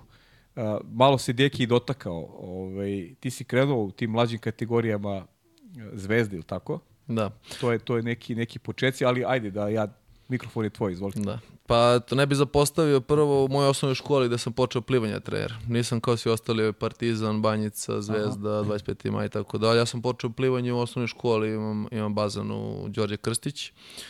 Ovaj, tamo sam počeo plivanje do nekog trećeg, četvrtog razreda, znači koja je to neka deseta godina. Uh mhm. -huh gde mi je to plivanje, da kažem, dosadilo, kao što je i dan danas dosadno svima nama.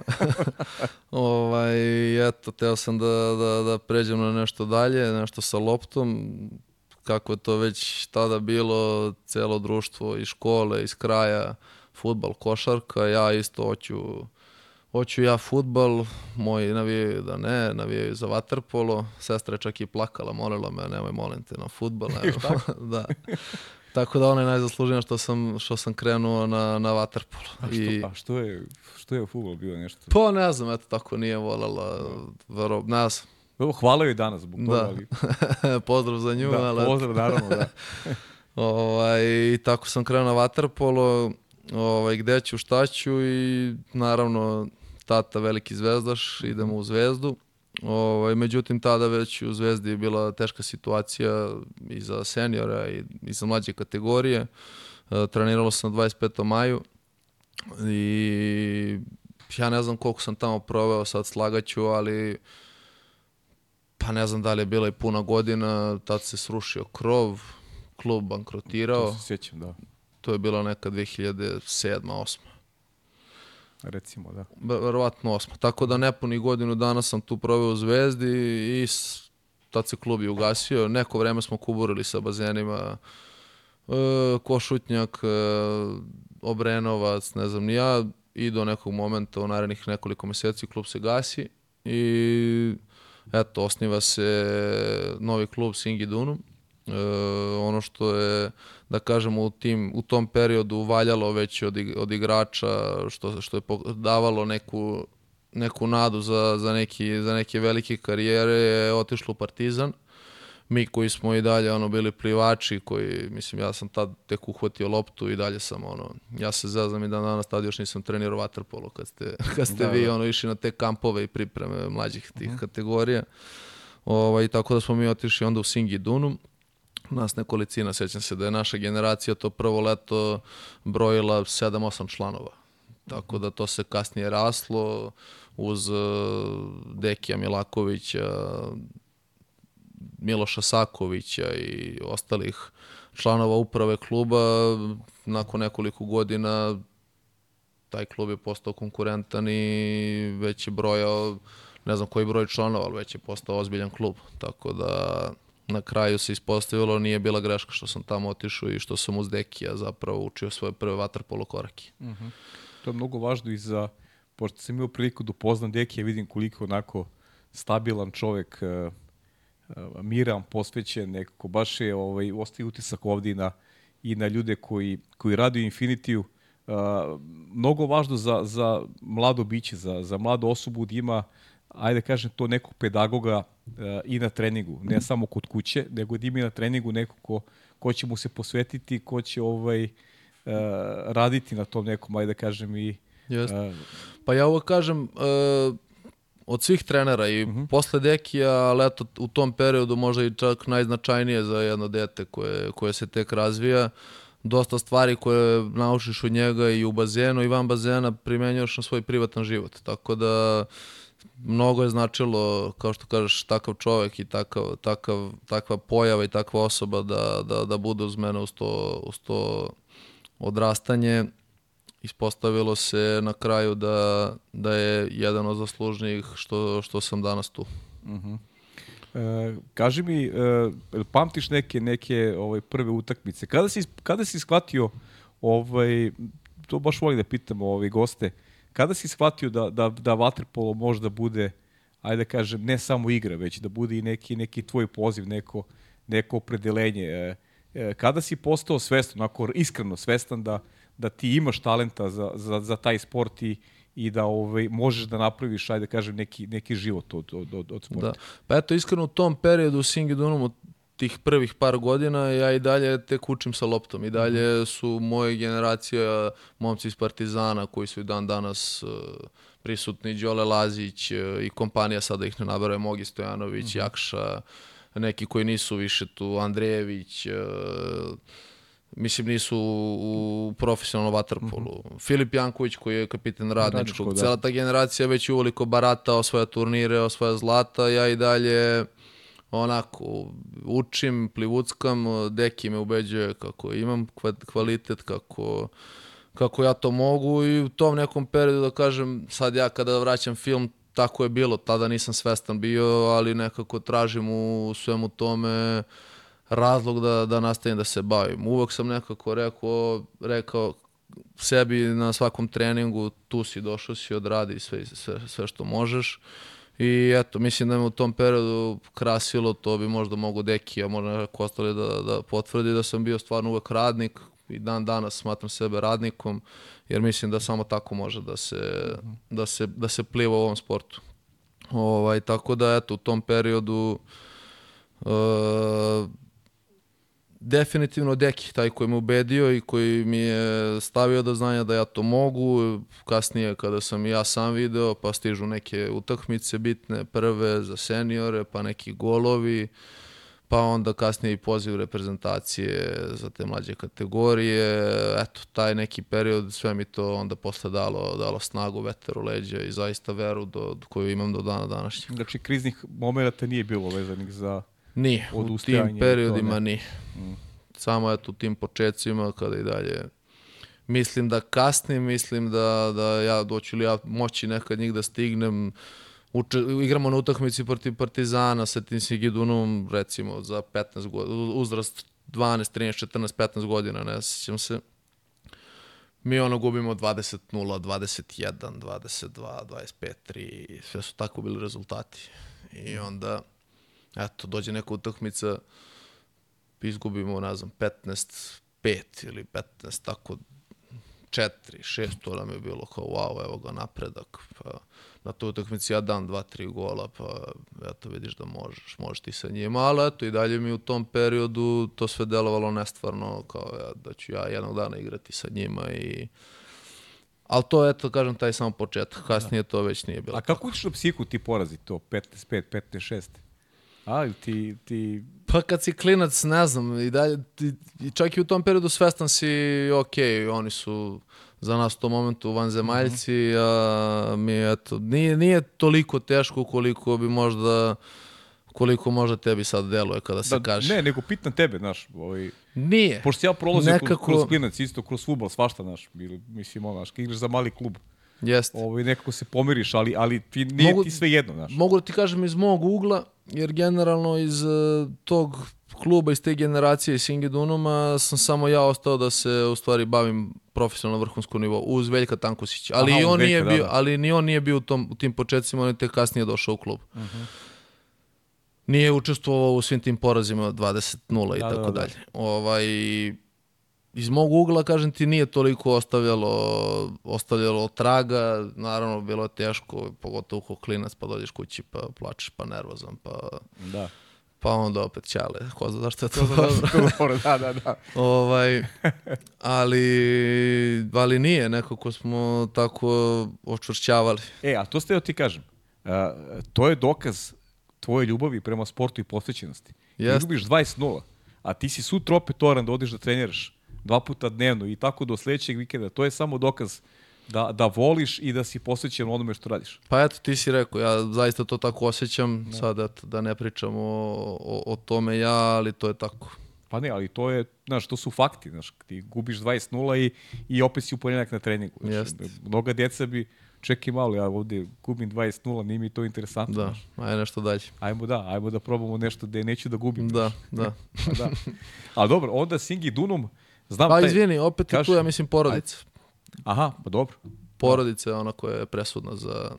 Pazi, ja, ja, ja tvog tatu ne poznajem, ali sam ti rekao pre emisije, pošto se sa, sa čujenim Dekijem Romom družim i Deki Roma je ovaj neko ko je, Pozdravljamo ga ovim putem. pozdravljamo Dekija Romu, da, uvek je priča sa tvog tatu, to je jedan car i, i to je to. Tako da sam ja ovaj, ja sam o tebi znao i pre nego što pre nego što se desio vaterpolo Da, ovaj, da, praktično da. ovaj, u, u tvom životu, tako da mi je mnogo drago što si ovaj, E, što si danas ovde i što si napravio takvu karijeru, ja verujem da će karijera biti, biti ovo još bolje, da će biti satka na medaljima i za, i za reprezentaciju. Srbije. E, ti s Ingudunama posle se praktično vraćaš u zvezdu, gde si, gde si i počeo.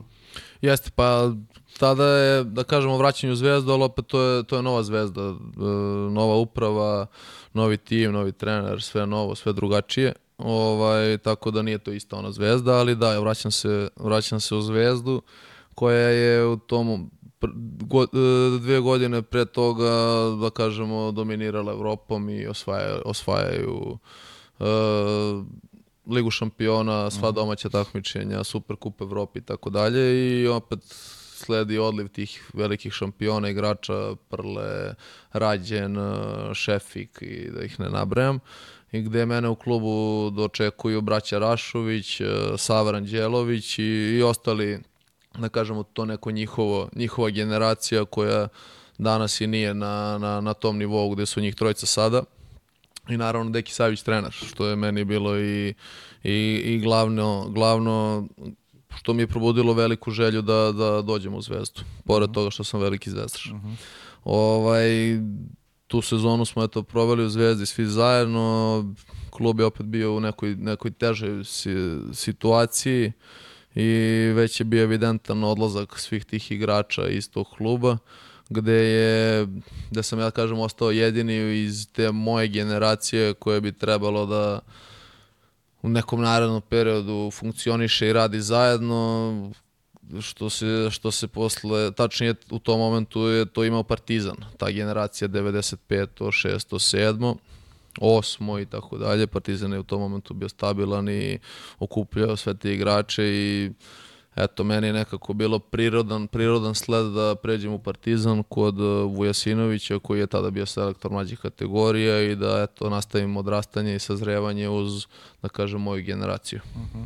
I konačno se spajaš sa Jeste, konačno se tada spajam da. sa svim ovima. Da, Đole. Đole Lazić, uh, Ogi Stojanović, Jakša uh -huh. i da ne nabrajamo sad sve. Mate Asanović, Draško Gogo, da, Gabriel da. Subotić, i tako dalje, tako, tako dalje. dalje. Tako dalje. A kaži mi Zvezda, pošto si i rekao si da si zvezdaš, ovaj, šta pamtiš? Verujem da imaš neku, neku emociju posebnu ovaj, za to igranje u Zvezdi. Ili pamtiš neku, neku utakmicu, neki događaj koji te onako, da kažem, vezuje za te, za te neke igračke dane koje si, koje si da, proveo tamo? Pa ta godina mi je bila prelepa, zaista. Mm -hmm. I mene, meni je to sve nešto bilo novo. Ja sam do tada bio samo u Singidunumu, nikada nisam bio na toj glavnoj sceni, da kažemo, našoj Waterpola. Ovaj, eto, sve je bilo novo, uh, rad sa svim tim već tada šampionima, uh, deljenje slačionice sa njima, druženje sa njima, zaista su me prihvatili na najlepši mogući način, ne bih izostavio nikog, zaista smo imali jednu atmosferu, druženje,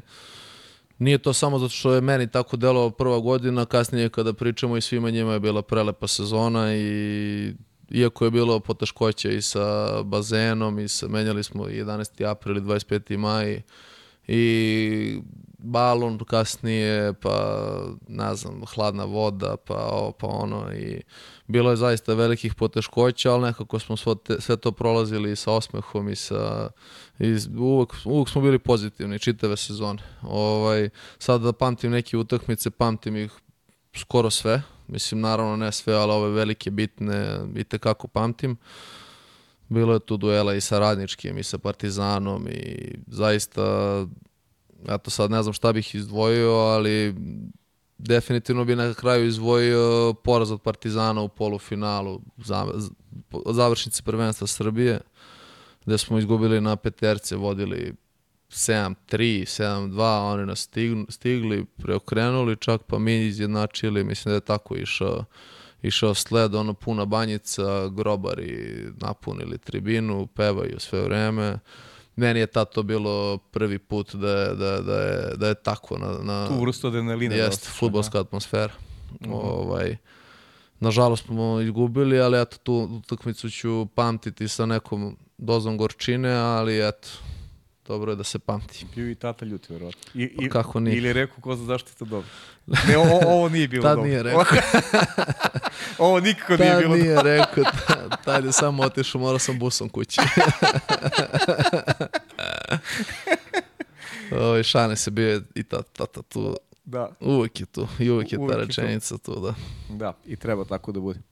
E, šta se teo ti kaže sad apropo, apropo te priče, da, uh, eto kako to u Vatrepolu izgleda popuno ovaj, neko drugačije, normalnije to kad, kada govorimo o tim prelascima Zvezda, Partizan, Partizan, Zvezda, ovaj, mnogo je vas koji su prošli kroz praktično kroz oba oba kluba, ali nema te neke da kažem zle krvi. To je neko se gleda gleda se popuno normalno, kao da ovaj niko to ne uzima za zlo, ajde da kažem, ovaj Pa generalno jeste tako. Niko jeste, da.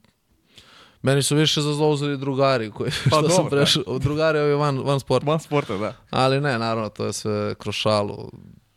To je jednostavno tako i u tom momentu i moralo za moje dobro, za dobro svih, naravno. tako da nisam ni prvi ni poslednji, ispostavilo se nije to kao kao u ostalim sportima. Mm. Koliko god je te utakmice Zvezda Partizan i o Vatarpolu i dan danas su to imaju naboj. veliki derbi, imaju neki veći naboj Ovaj, mislim da to nije nivo, sad neću da ulazim, ne znam sad da li košarkaši, da li su dobri međusobno, da li se druže, ali mi smo generalno svi prijatelji i ne samo sa protivnicima iz Zvezde, nego i, i sa ostalim klubovima, iz ostalih klubova igračima, tako da zaista nije kao u ostalim sportovima, ali eto, nadam se da mi niko nije uzao za zlo. Da, da, ma jok. A na, na šta ste ti kažem, ovaj, šta mi je zanimljivo? Ljudi, ovaj, šta je, u čemu je što sa tom hladnom vodom? Kako istrajete u toj hladnoj vodi? Generacije su se ovaj, formirale kroz ove beogradske bazene u, u, u, u hladnoj vodi i niko ne odustaje i, i svetski smo olimpijski šampioni, evropski šampioni, nižu se stalno trofeji, a vi ovaj, rastete u, u hladnoj vodi. Ovaj. Ja, ja bih odustao, verovatno, posle 10 dana rekao bih, ne, ne zanima me hladna voda, odoh odavde. Pa eto, možda zato i danas ima više klinaca koji odustaju. Nekako smo mi to kroz, kad smo bili baš klinici gradili taj mentalitet u kojem smo pričali i eto, možda nas je to držalo sve kako se zove u ovom sportu. Uh, najveći problem hladne vode smo imali dok sam bio u Partizanu i to pogotovo druge sezone moje, ovaj, kad nas je vodio Zoran Milenković. Ovaj, mislim, to je sad već postalo normalno da u januaru je hladna voda i da se ne trenira na banjici, nego se traže neki drugi bazeni. Uh -huh. Zašto je to tako i da li će to biti nekad normalno, nadam se da hoće, ali, ali ne znam zašto je to tako. Ovaj, nismo ni prvi ni poslednji, kao što si rekao, čitava generacija, dve generacije pre nas je odrasla u, u takvim uslovima, tako da to, i to nas je malo držalo. Pa ajde, nismo prvi, nismo ni, nismo ni poslednji šta da...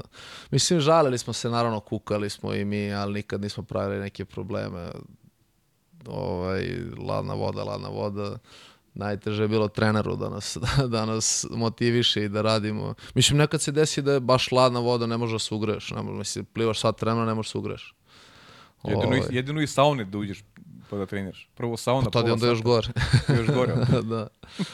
Tako da, eto, istrajali smo i tu smo sad gde smo. A znaš zašto to stalno volim da pitam? Zato što, ovaj, ajde da, da pod, živim pod pretpostavkom da će, da će neko da čuje možda jednog dana ko, ko se nešto pita, pa, ovaj, pa da se zamisli ako možda postaviš pitanje zašto se desio Split, zašto se desilo, ne znam, znaš, nekako uz vaterpolo se stalno podrazumuje da bude to neko zlato. Ako nije zlato, kuda se nije desilo. I to je nešto na što su vaterpolisti navikli javnost. A, a kad zagrebemo po površini, onda dolazimo do momenta gde, gde vidimo da ne postoje elementarni uslovi za, za, za neki normalan rad i to je nešto što traje već a, dve decenije unazad. Ajde, sada je situacija nešto bolja, ali namjerno sam ti pitao, ovaj, jer ja stvarno ne znam kako bih izdržao, ne znam, vlada treba da svoj dete da, da trenira ovaj, u hladnoj vodi svaki dan. Znaš, i da. da. ne znam, da je dete prehlađeno stalno, nešto mu smeta, nešto mu nije u redu, a ima potencijal za taj sport.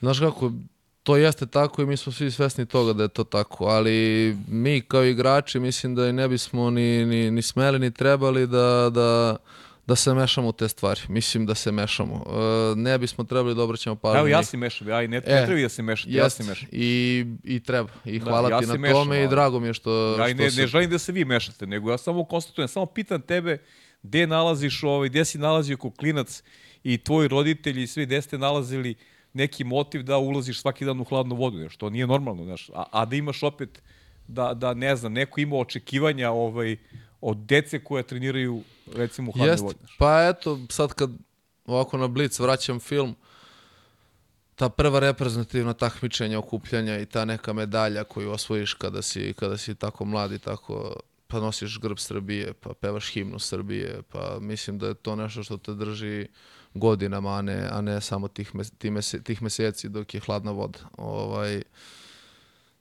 sećam se, osvajamo zlato na, na, na evropskom prvenstvu 2014. osvajamo zlato 2015. osvajamo kasnije za moju generaciju uh, evropsko zlato, pa evropsku bronzu. Pre toga još dok smo bili kadeti evropsko srebro i tako dalje. Nižu se te neke medalje i ti neki osjećaj i ispunjenja i ne znam nija koji ti daju tim momentima zaista eto, motivi da nastaviš da, da, jer želiš da isto to doživiš na najsjajnijem, na, na najvišem mogućem nivou, odnosno na seniorskom i ovo što, što sada želimo i svi da, da, da doživimo. I eto, to, nas, to nas je, ja mislim, najviše držalo. Dobro, hva- hva- hvala vam na tome. Eto, to je, nema šta drugo da kažem. Možemo samo da vam se zahvalimo što ste tako istrajni, što ovaj sport ovaj, i promoviše Srbiju na najbolji mogući način. Ja govorio sam i, i, i, i žile tu ranije kada, kada smo se ovaj, viđali i radili neke, neke druge emisije.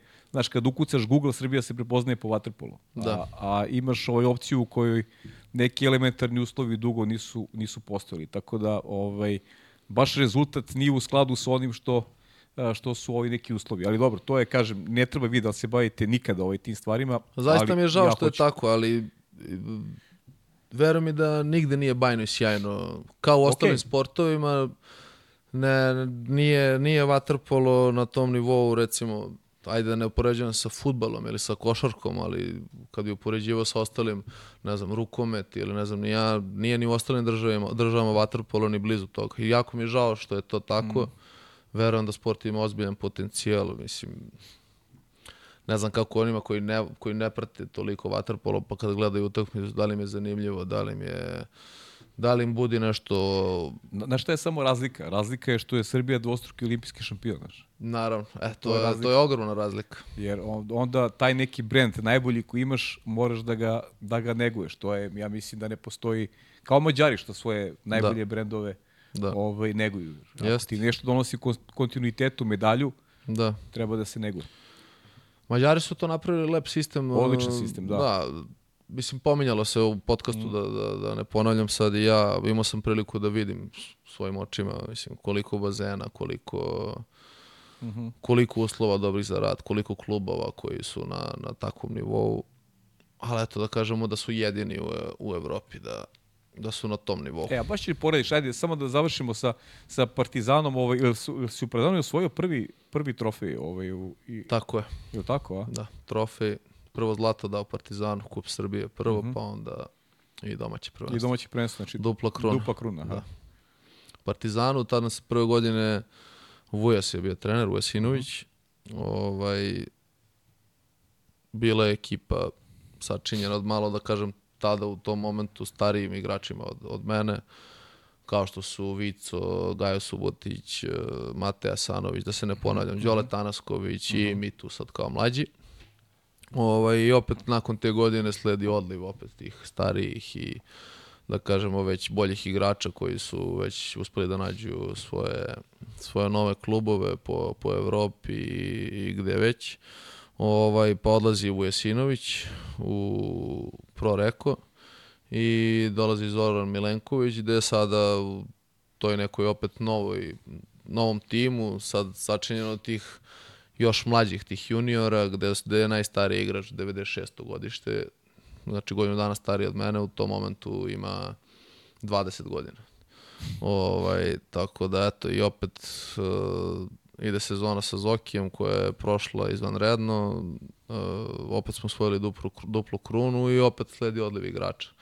I tada je opet nekolicina nas koji smo tada već bili kao, da kažemo, stariji lideri ekipe, opet pronalaze neki dalji klubovi koji nude svoje ponude i eto, nažalost, tako odlazi, tako, tako je Partizan iz godine u godinu do, doživljavao, da kažemo, promenu više od pola ekipe svake godine. Da, lomovi, konstantni lomovi, da. Da, A ti, ti odlaziš u sport management, ili tako? tako je. To je tvoj odlazak, koliko si imao godina kad si otišao prvi put u Uh, inostranstvo? 2020 godina. 20 godina odlaziš, eto, 20 godina ideš u inostranstvo. Uh, sport management, to je klub iz... Iz, uh, oni su, sedište mi u Veroni, ali mi smo tad trenirali u Milanu. Tačnije, gradić pored Milana, kao kad bih uporedio, recimo, ne znam, Obrenovac, blizu Aha. Milana. Mhm, Ovaj, oni su bili tada treći u Italiji. Ovaj, trener Gubal Dinetti. Ne znam da li znaš za njega. Ne, iz... On je bio trener Pro Reka kada je igrao Dača i Kudinović, kad su osvojili titulu šampiona Evrope.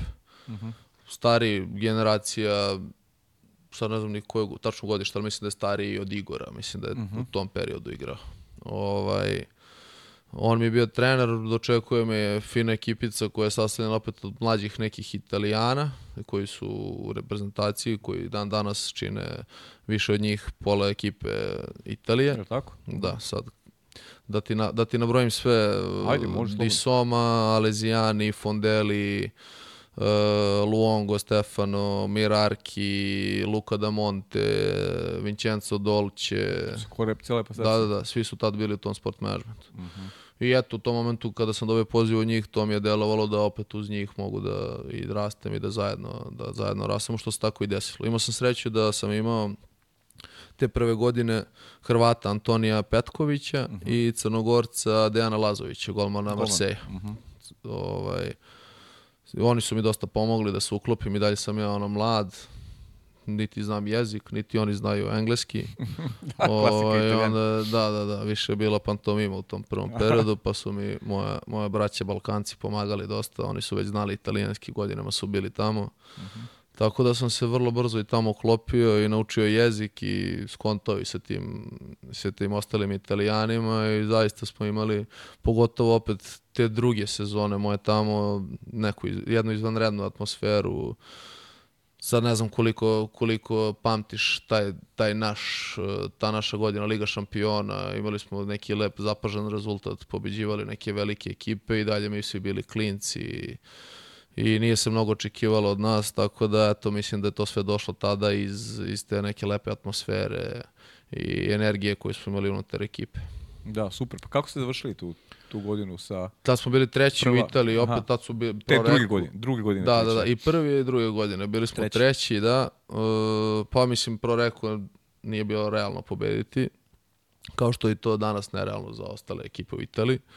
Ovaj, I Breša koja nam je tada stvarala najviše, da kažemo, predstavljala najvećeg rivala i generalno stvarala najviše, najviše problema u tim bitnih, bitnim mečevima.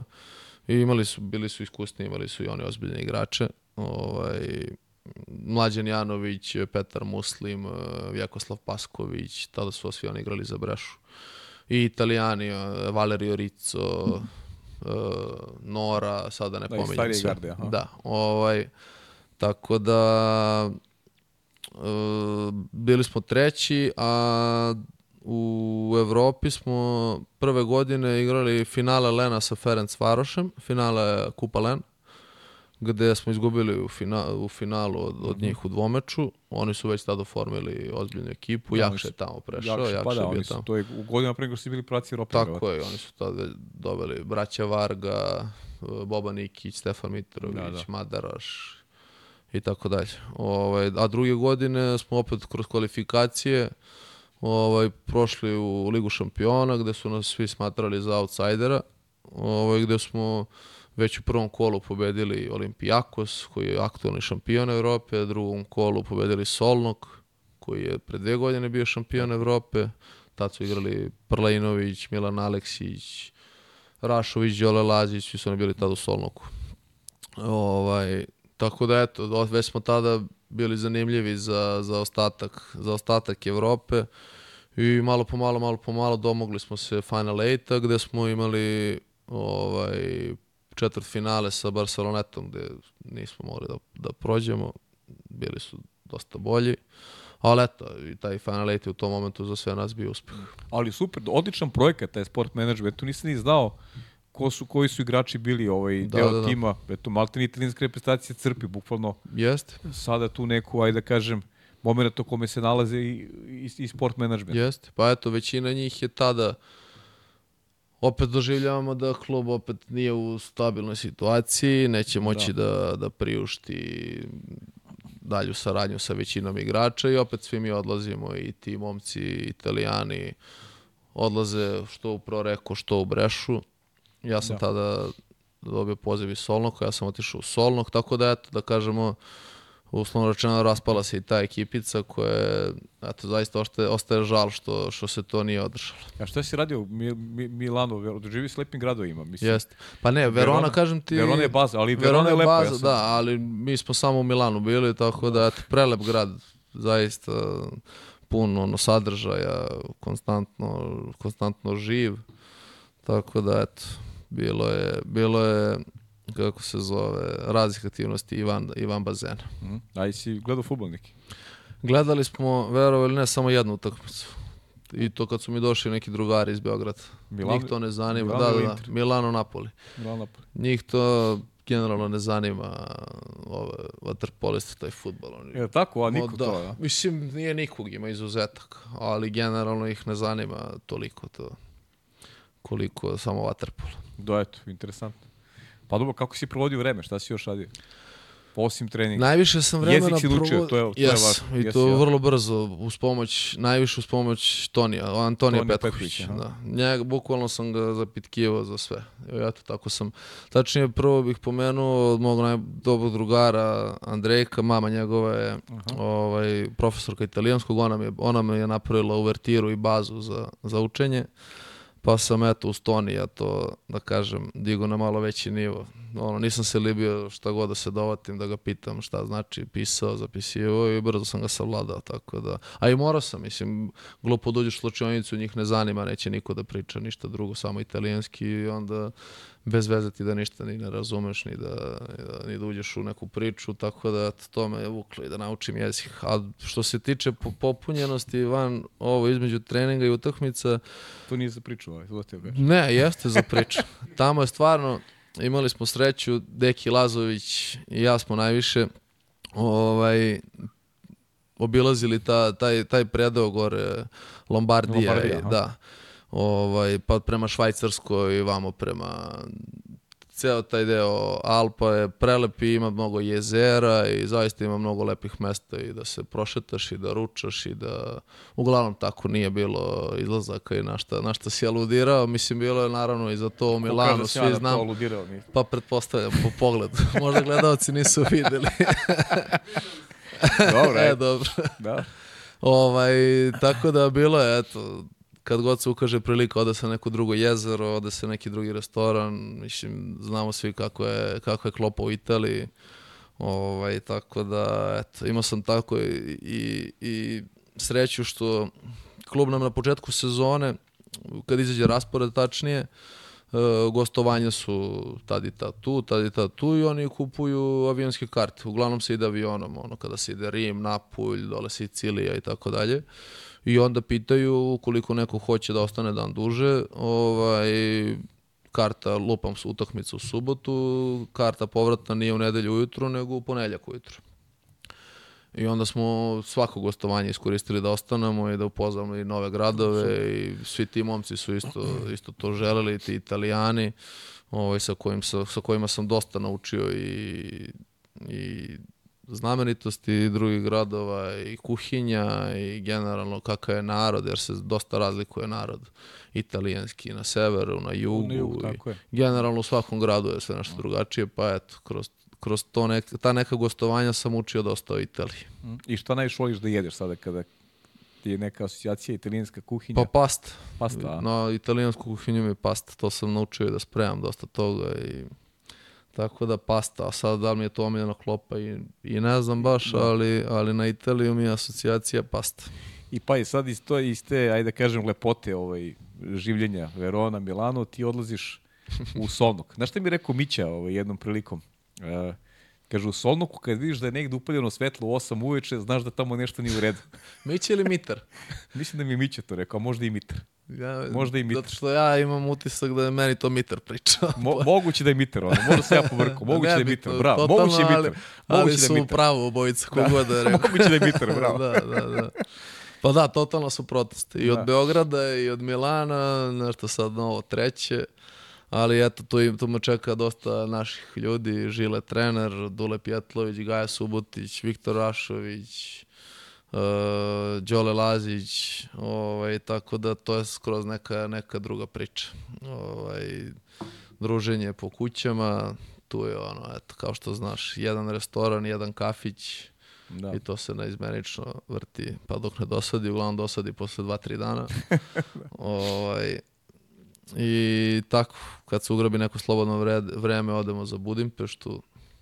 Uh, A nije blizu. ako ima, pa, sat vremena. Sad vrema, da. Dobro. Nije baš za popodne da se ode, ali Da. kad je dan, dva slobodno, da. I tako. Pa do, i Mađari su drugačiji malo kad je socijalizacija. Jest, pitanje. to, totalno drugačije. I dan danas nisam, imam ja i kontakt i sa njima, ali nekako nije to kao sa ovim italijanima s kojima se da. dan danas čujem, na malte ne na dnevnom nivou. Tako da, eto, to je tako ostalo iz, iz, iz tog perioda. Dobro, ali verujem da na Waterpolu gledaš kao onako lepo su ti se slagali kockice u, u, u kare. Sad kad pogledamo taj Singidunum, dobar si primer kako iz neke male sredine, ovaj, kad imaš volju, talenat, kako može ipak da se, da se napreduje, pa čak kad na početku karijere gubiš 20-0, ovaj, dođeš do neke faze da, da si svojim radom napravio i onda ljudi to prepoznaju. Pa tako je tu prepoznaju da je Žile zaslužen što je, što je došao taj poziv u Solnok i, i imao si priliku je opet sa nekom bazom igrača odavde, da, da radiš, da živiš i da negde i sebe usavršavaš. Jeste, pa eto tada da, da, da se sad ne vraćam skroz na početak, ali e, na konto toga kada neko prepozna tvoj rad, e, tada Deki Savić, Vujasinović, pa dolazi poziv za reprezentaciju, pa za Zvezdu, pa kako se zove za Partizan kod Vujasa, pa dolazi poziv od Žileta, pa taj sport management je bio na preporuku i Vujasinovića i Prlainovića i to je sve meni značilo da, da zaista nastavim da verujem u sebe.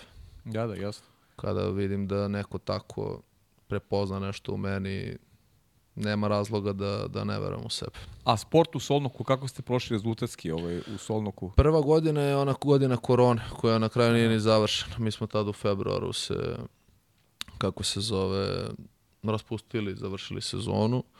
Ovaj, onda sam ja ostao i druge sezone, ja i Duško Pjetlović od tih e, Srba, odnosno igrača Srba, pošto i Žile, i došao je Filip Filipović. Došli su još neka dvojica, trojica mladih Mađara koji su im danas u reprezentaciji, pri reprezentaciji, Akuš Konar i Kadam Nađ, oni su, da kažemo, tad pojačanja te druge sezone.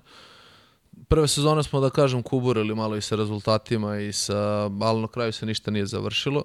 Ovaj, ko zna, možda bismo nešto i, i više učinili, ali druga sezona je bila znatno uspešnija i tokom, i tokom sezone, a i na kraju smo, na kraju, o, tačnije okitili se sa dva zlata. Osvojili smo kup plen i osvojili domaće prvenstvo Mađarske. O, super, super. Vladice, da nam video pitanje. Zdravo, veliki pozdrav za sve u studiju. Imam jedno pitanje za vašeg gosta. E, Zanima me koje su to uzrečice po kojima je on poznat u svom društvu i koja mu je od njih omiljena. Još jednom veliki pozdrav. Aj, ja, kako ću ovo izdvojiti? Pozdrav za nju, ona je inače vice šampionka Survivora, ko ne zna, ko nije pratio. Pozdrav za nju, ove pozdrav za vice šampionku. Da, sjajna, sjajna drugarica i sjajan lik. Pa ne znam sad na šta mislim. E, zaista ne znam. Za, ne, zaista ne znam šta bih izdvojio. Očigledno je nešto Verovatno mislila. to onda neka ružna reč koju generalno ne koristim, ali ništa to nije previše ružno, možda nije za, za, za podcast, ali ne znam. Možda brat moj, eto, možda na to misli. Brat moj mi je, pogotovo sa njom, nju zovem brat moj, brat moj. Eto, ne znam, možda bih to izdvojio. Kad je već pitala to, pošto vidim da si, ovaj, ja se da se zahvalim i ovaj, eh, našoj Sari koja mi je pomogla ovaj, u kreiranju podcasta. Sare nema, Sari se onako dešavaju neke lepe stvari, pa ovaj, ne znam da li smem da pričam javno, tako da neću to ovaj, da, da uredim bez, bez da se konsultujem sa njom, tako da je ona zaslužna za, za ovaj Za ovaj kontakt. za ovaj kontakt, ovaj prijateljski, ovaj prijateljski e, deo. E, vidim da polažeš mnogo i na taj i znam da si ovako jedan tip koji je socijalan, imaš ovaj i, i, ovaj lepo se imaš društvo svoje, družiš se, izlaziš.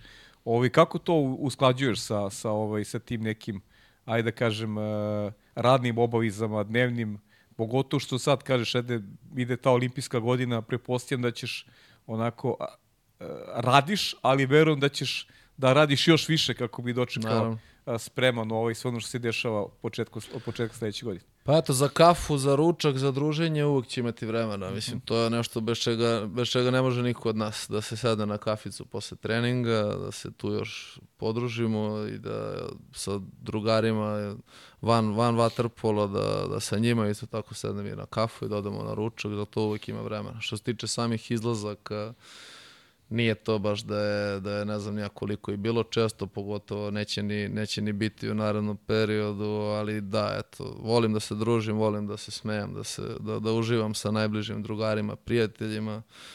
Generalno, nisam ranije voleo, ali eto sad, to su mi svi zamerali, a sad i volim da spajam društvo, tako neki drugari koji nemaju veze sa sportom se druže sa ovim drugarima iz ekipe. Aha, super. Tako da, eto, tako, volim kad je tako, volim kad su svi raspoloženi i srećni, kad vlada neka super atmosfera, onda sam i ja bolji i na treningu i na utakmici i sve je to povezano.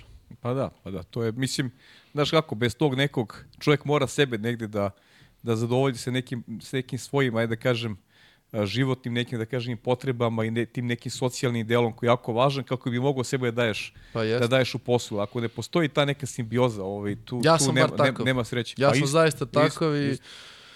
Kad nije dobra atmosfera u slučajnici, taj dan, taj dan mi je uglavnom meni najlošiji trening od svih. Mhm. Kad je super i, i atmosfera i jednostavno ta energija se osjeti, taj, taj dan sam možda i najbolji na treningu. Tako da, tako je meni, tako živim, tako mi je i van bazena i u bazenu. pokazao si sebi da možda funkcionišeš i u sistemima koji nisu ovaj, ovdašnji. Bio si u Italiji, bio si u Mađarskoj, ono, sam sa sobom i borba za, za, za, ajde da kažem, i napredak i karijeru, ali verujem da ti prija upravo i iz ovog, uh, ajde da kažem, tog sociološkog aspekta što si se vratio u Beograd i što postoji klub koji mogu tebi da ponudi uslove koji te Jeste, pa naravno. zadovoljavaju. Da. Naravno da prije, pa svima bi prijelo da se vrati kući, Naravno. svega, porodica, prijatelji, a naravno i eto, taj poziv e, Novog Beograda i Vujesinovića koji je usledio i kada sam čuo ideju i ko, koga sve planiraju da dođe, jednostavno nisam, nisam mogao dočekati moment da sa svim tim ljudima igram i borim se na, u svom rodnom gradu za najveća evropska odličija. Ne bi mogao da, da dozvolim sebi da, da to nisam ugrabio tu priliku, jer zaista nema ničega lepšeg. Ona atmosfera sa Final Eight jednog i drugog Da. i sa onih završnica prvenstava i kao što sam rekao, saigrači ti sa kojima, eto da kažem, već se znam godinama, koji su već vrhunski evropski igrači, borimo se za najveća odličija u rodnom gradu, nema ništa lepše. E, Kaži mi, kad pričamo o trenerima, po, postoji neki specifikum, nešto, nešto što je što odvaja um, jednog od drugog, a radio si sa, sa zaista i najvećim trenerima ovde. Radio si sa Vladom Vujesinovićem i sa Igorom Milanovićem, a, sa Žiletom Gocićem, koji ti sada trener u klubu. A, kako ti, šta ih, šta ih negde, ajde da kažem, šta im je neka spona, neka vezivna, šta je to što ih, što ih razlikuje? Neću te, naravno, ne želim da praviš neke, ajde da kažem, da, da mi Pa ne kažeš mogao ko ti da najviše hoću. prija, da, ali, ali samo da napraviš neku, neku, ajde, neku paralelu ovaj, uh, svih tih, ajde da kažem, trenerskih umova sa kojima si radio. Eto, imao sam sreće i u tom segmentu da me treniraju najbolji svetski treneri. Uh, Dejan Savić, Vujesinović, Igor Milanović, uh, Žile Gocić, čak i Gubal Dineti, pre toga Dejan Milaković. Zaista mislim da sam u tom, u tom segmentu da je moglo bolje možda, ali nisam, nisam, nije moglo da se, na, da, da, da se nađe da neko još u tom periodu da, da, da, da mi dopuni to trenersko, tačnije ne moje iskustvo, nego iskustvo sa trenerima. Šta znam, svi, svi rade na svoj neki način. Iako je to sve na kraju slično, zaista postoje velike razlike i, i u samom odnosu i prema treningu i prema igračima i sad ne znam, ne znam št, na šta bih konkretno mogao da, kako bih konkretno mogao da izdvojim uh, jednog od drugog, ali, ali eto, Generalno mislim da je velika razlika biti uh, trener, mislim na trenera dok si u mlađim kategorijama i dok treniraš, obučavaš nekog klinca i biti trener prvog tima, odnosno šef stručnog štaba ili ti selektor. Tada kada igra, sarađuješ sa kada sarađuju sa starijim igračima, bitno je biti dobar pedagog, psiholog, osjećati igrače, kako razmišljaju, kako, kako gledaju na kritiku, kako gledaju na pohvalu, ne znam, neko ne sme da se hvali, neko ne sme pretrano da se kritikuje, tako da eto, te neke stvari, umeći u tim stvarima, mislim da, da razlikuju. Čista eto. psihologija. Da. Ne samo njih, nego sve trenere generalno. A ti inspiriše da preformulišem pitanje i ti inspiriše neko od njih da se baviš trenerskim poslom? Jer razmišljaš o tome šta sutra? Ili imaš uopšte ideju neku?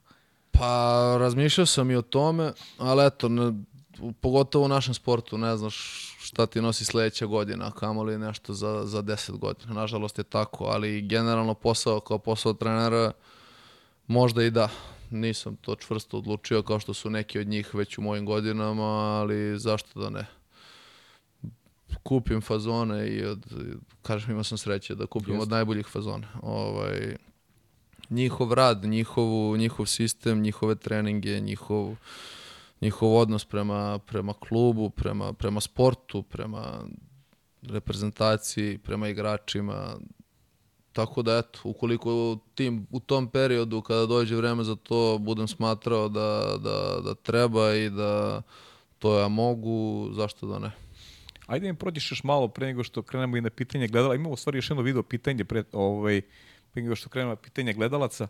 A, ta repestivna karijera, ajde malo da prođemo kroz te juniorski staž, ovaj, kad si krenuo, a, ko te je pozvao, ti neki uspesi, nešto ti je drago iz tog perioda, ovaj, neću ja te navodim na priču, nego prosto, eto, ti kad bi sada, evo, dajem ti priliku da sublimiraš te, Da. neđe, te neke momente iz, iz tog nekog, ajde nazovimo ga odrastanja i detinstva kroz mlađe juniorske reprezentacije, šta, šta, bi, šta bi izdvojio?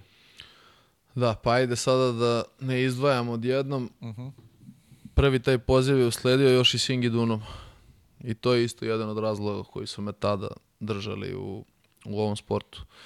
E, Zoran Milenković je bio trener tih najmlađih, nazovi tad već kadeta ili ne znam sad ta generacija kako se zove.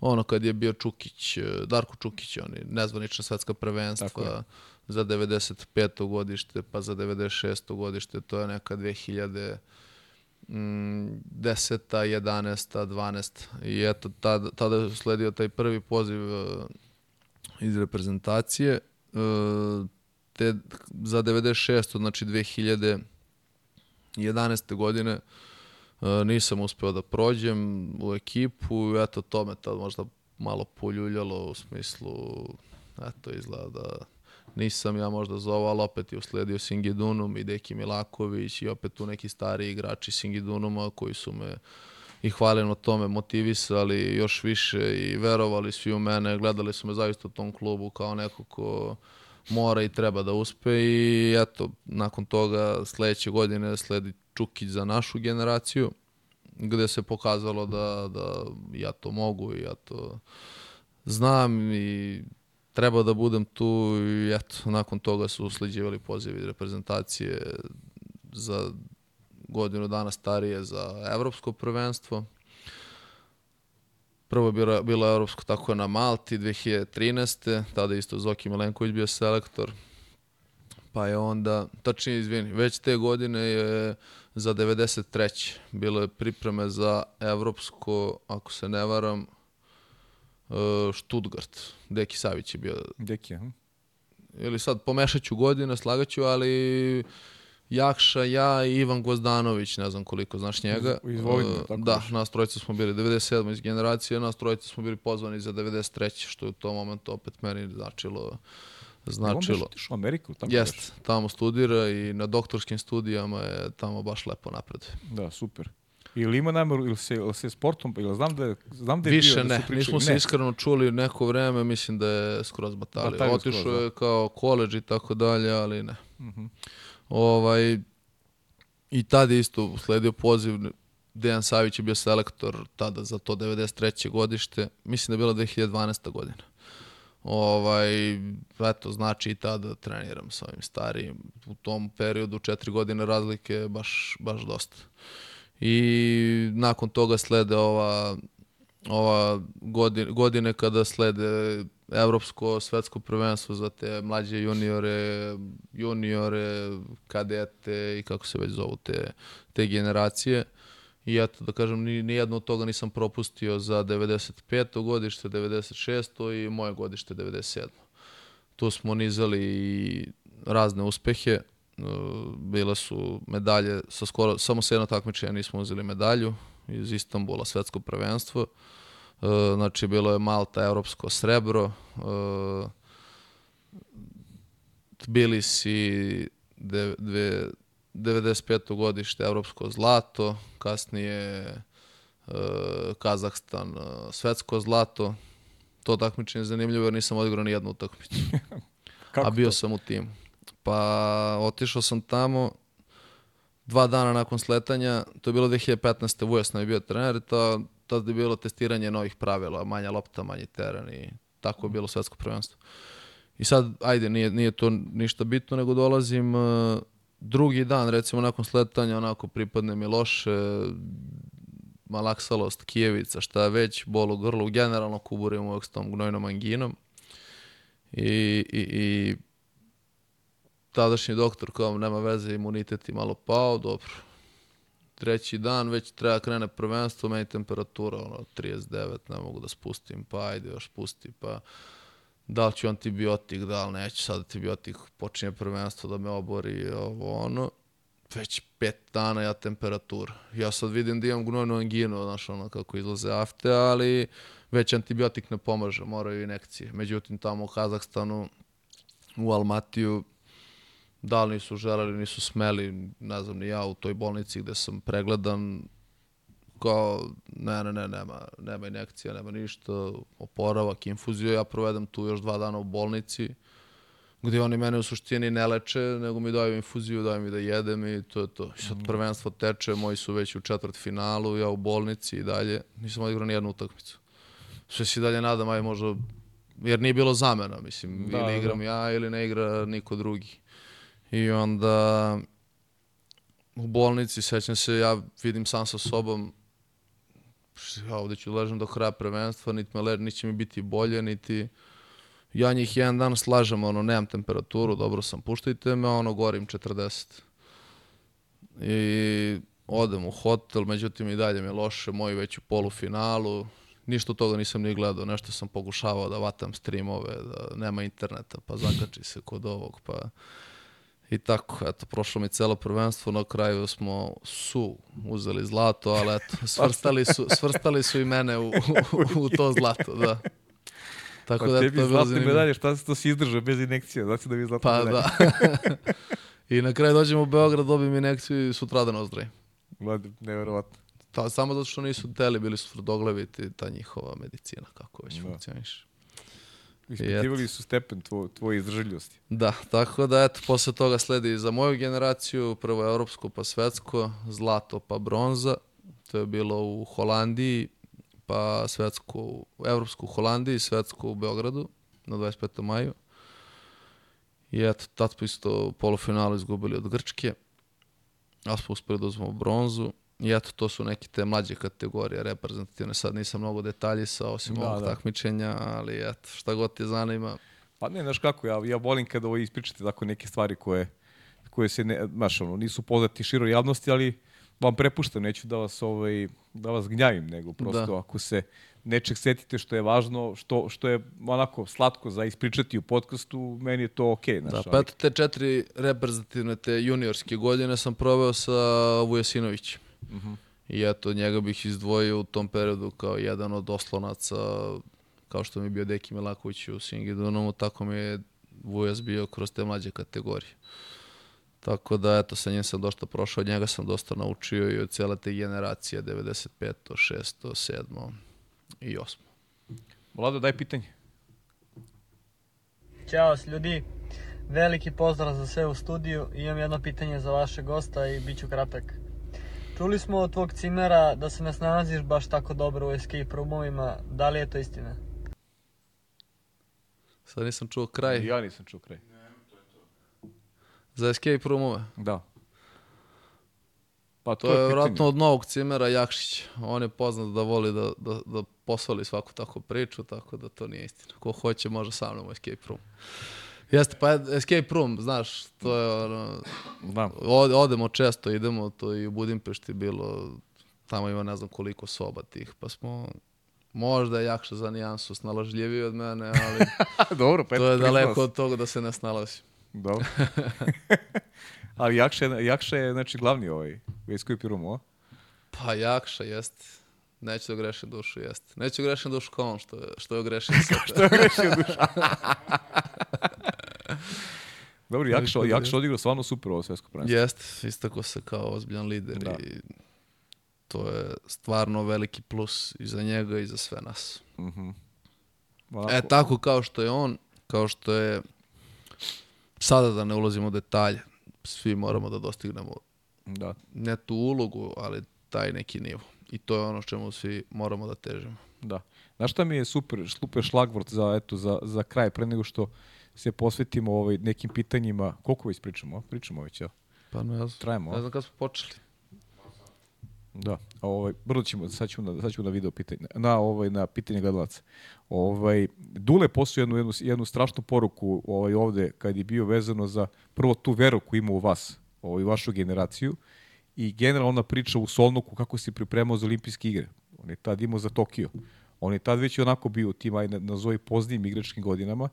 I meni je stvarno super ovaj super ta poruka da je radio dodatno u odnosu na ono što je tražio ovaj trener u Solnoku, tačnije Žile koji je tada bio trener.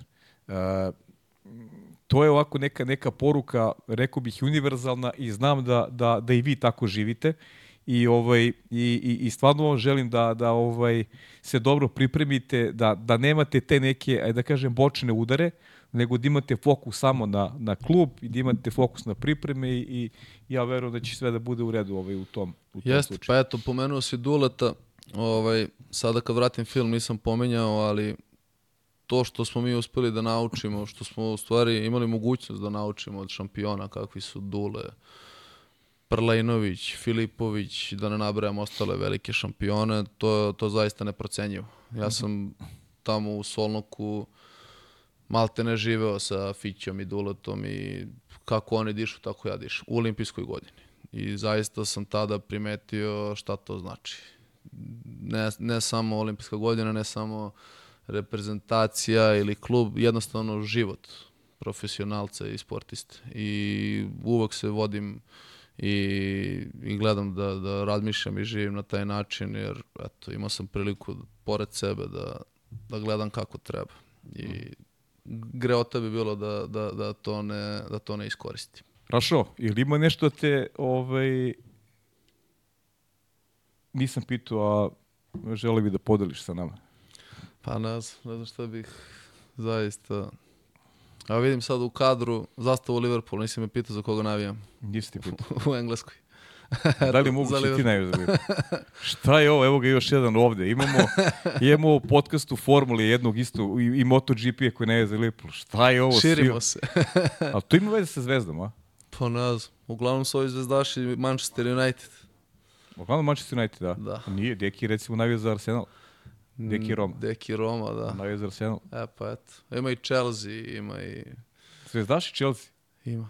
Ima ta, nadimak čoveku od Chelsea, zbog Chelsea, ljubavi prema A Chelsea. dobro, znam, da, ali to... A zvezdaš? Zvezdaš? Eto viš.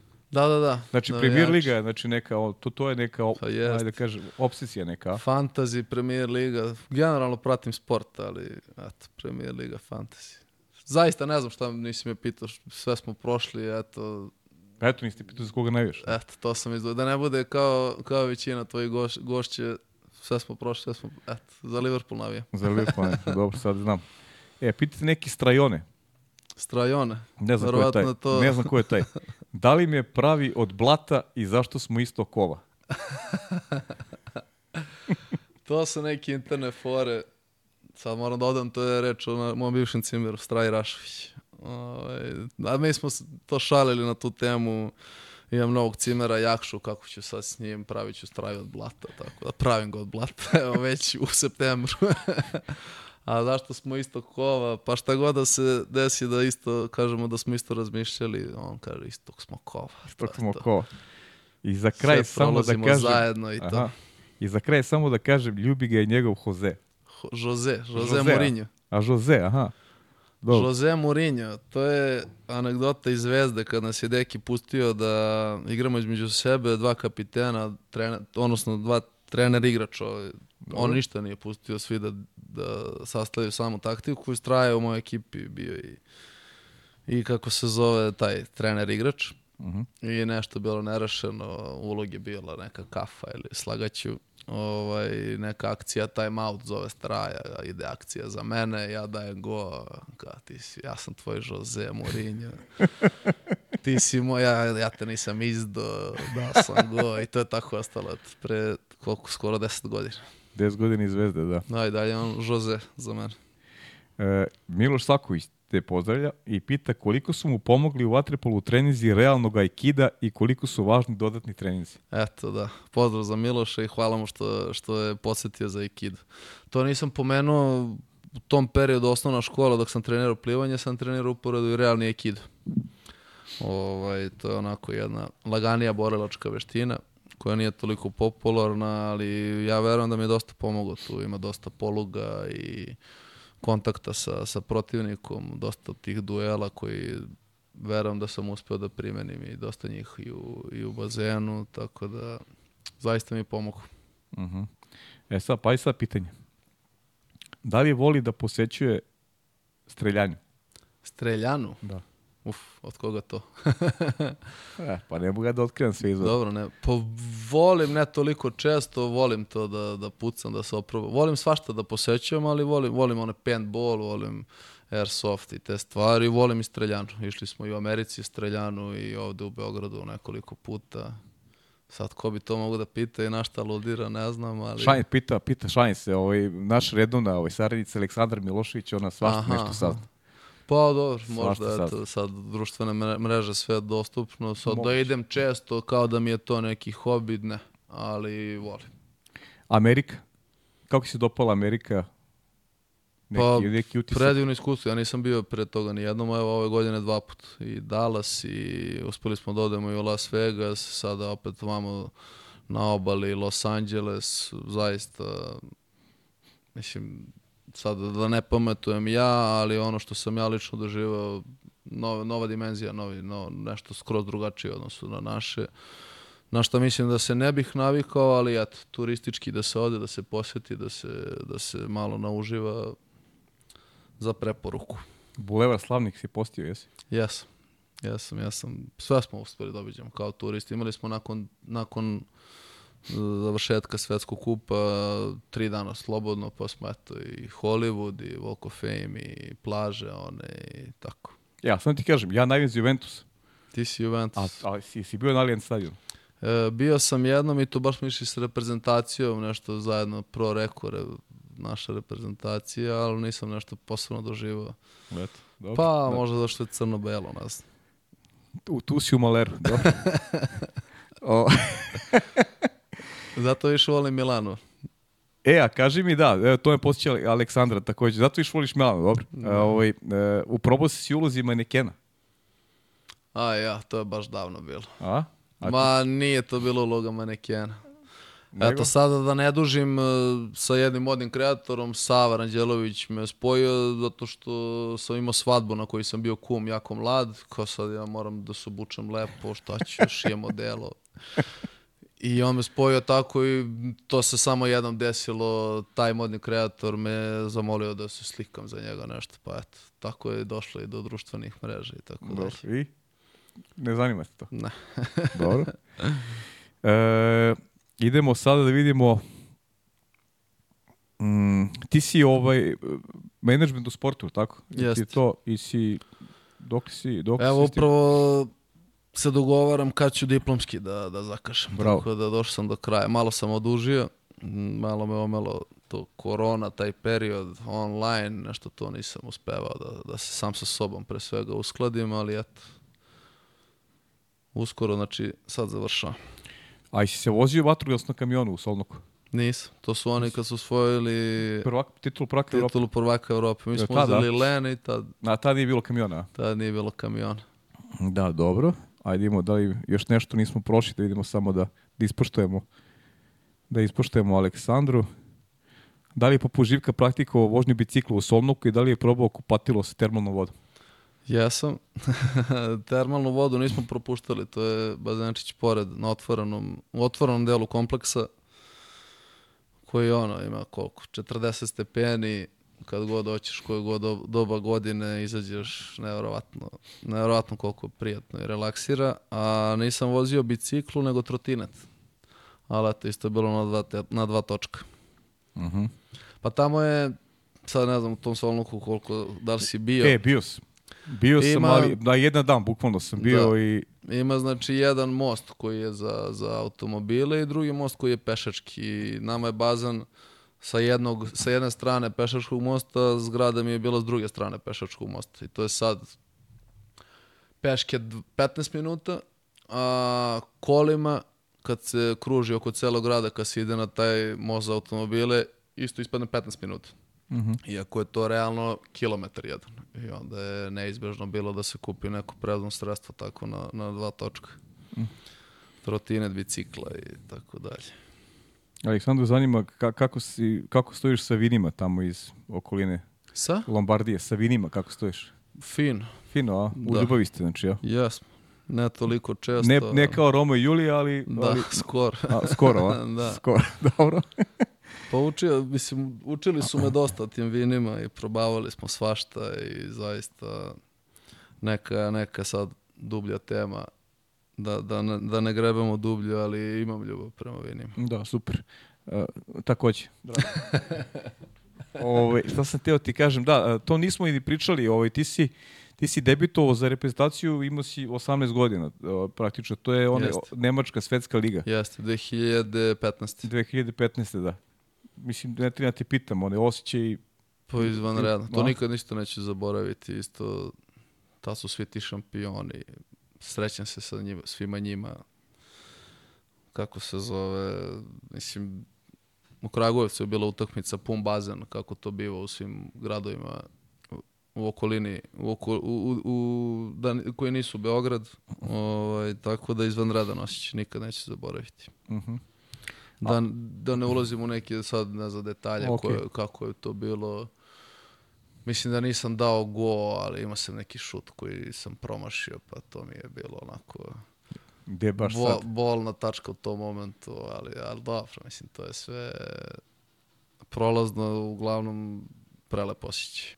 I- Si imao nekog idola ovaj, tokom nekog odrastanja tog perioda? Kad sam bio baš klinac, mlad, i dok je Vujasinović i dalje bio igrač na, na tom nivou, on mi je bio idol i dan danas, uh, pogotovo što igramo istu poziciju, njemu vidim svog, svog nekog idola. Uh, da kako je vreme teklo, kako sam i upoznavao te neke vrhunske igrače i šampione i ljude, pokušavao sam da iz svakoga istrpim nešto što bi me inspirisalo, što, što bi sastavilo nekog mog imaginarnog idealnog, idealnog vaterpolistu i u bazenu i van bazena, što je jako bitno. Tako da, eto, da kažemo da izdvajamo Vujasa i sve ostale. dobro, dobro. E, Rašo, ajde za kraj porodice. Pričao si tata, mama, sestra, koliko je sestra najzaslužnija ovaj, da. što si počeo vaterpolo. Pa ne znam, ako treba još neku da izdvojimo ili malo da ispričaš eto, eto o njima, to volimo da ostavimo za, za kraj. Da, pa eto, čisto da napomenem, imam dve sestre. Jedna je do duše stvarno bila ta koja je zaslužna, druga je isto bila na toj strani, ali nije bila koliko i ova. Milica. Jovana Milica i mama i tata, mislim, mi smo pominjali Ćaleta, mama je isto, mama je čak i strožija i možda mi neka njena rečenica još jače, još jače, tako? još jače me da kažem osvesti, pošto ume da mi kaže šta si ono radio. Ćale ne ume, Ćale onako umeren, lagan da me opipa da vidi da se da li sam nervozan, da li sam, a mama voli da me saseče, da me čak iznervira. Pardon. Ovaj, tako da eto, njih četvoro su mi naravno uz baku i deku i drugu pokojnu baku i deku. Svi, svi onako zajedno funkcionišemo lepo, slažemo se, velika porodica, tako da eto, toliko o njima, velika podrška i eto, velika ljubav za njih i hvala im na svemu. Rašo, to je bilo to. Za ovaj put hvala ti puno. Ja sam uživao sam u razgovoru i, i, ovaj, i želim ti da, da cela ova sezona prođe na kako želiš i na klubskom nivou, a posebno naravno na reprezentativnom, jer to je ono što svi koji vo- vole vaterpolo ovaj najviše nekako i, i, i žele da bude da žele da bude na svom mestu opet veruju u, u, u tvoju generaciju koja je sada ajde da kažem preuzela ovaj neku nazovi dirigentsku palicu kada kada pričamo o, o, o svemu što se dešava ovaj, u ovom sportu. Eto, hvala puno još jednom na pozivu, stvarno je bilo zadovoljstvo sesti u ovu stolicu gde, gde su sedeli, znamo ko sve. Ovaj, tako da, eto, izvini što si me čekao malo duže za, za ovo gostovanje, eto, i ovako javno da se izvinim, ali, eto, stvarno je, stvarno je čast i zadovoljstvo i da kažem, poručio bi Đoletu, nije toliko strašno, može da doći. Dobro, do, ovo ti je prvo gostovanje, ovaj, vidjet ćemo kada će se desiti sledeće, nadam se da će biti neki lep povod da, da eh. pričamo i o medaljama i o nekim, nekim drugim trofejima, tako da, eto, ovo je bio Radomir Drašović, uživajte u ovoj epizodi, a u narednoj gost će biti a, trener Duisburga Vuk Vuksanović. Hvala na pažnji.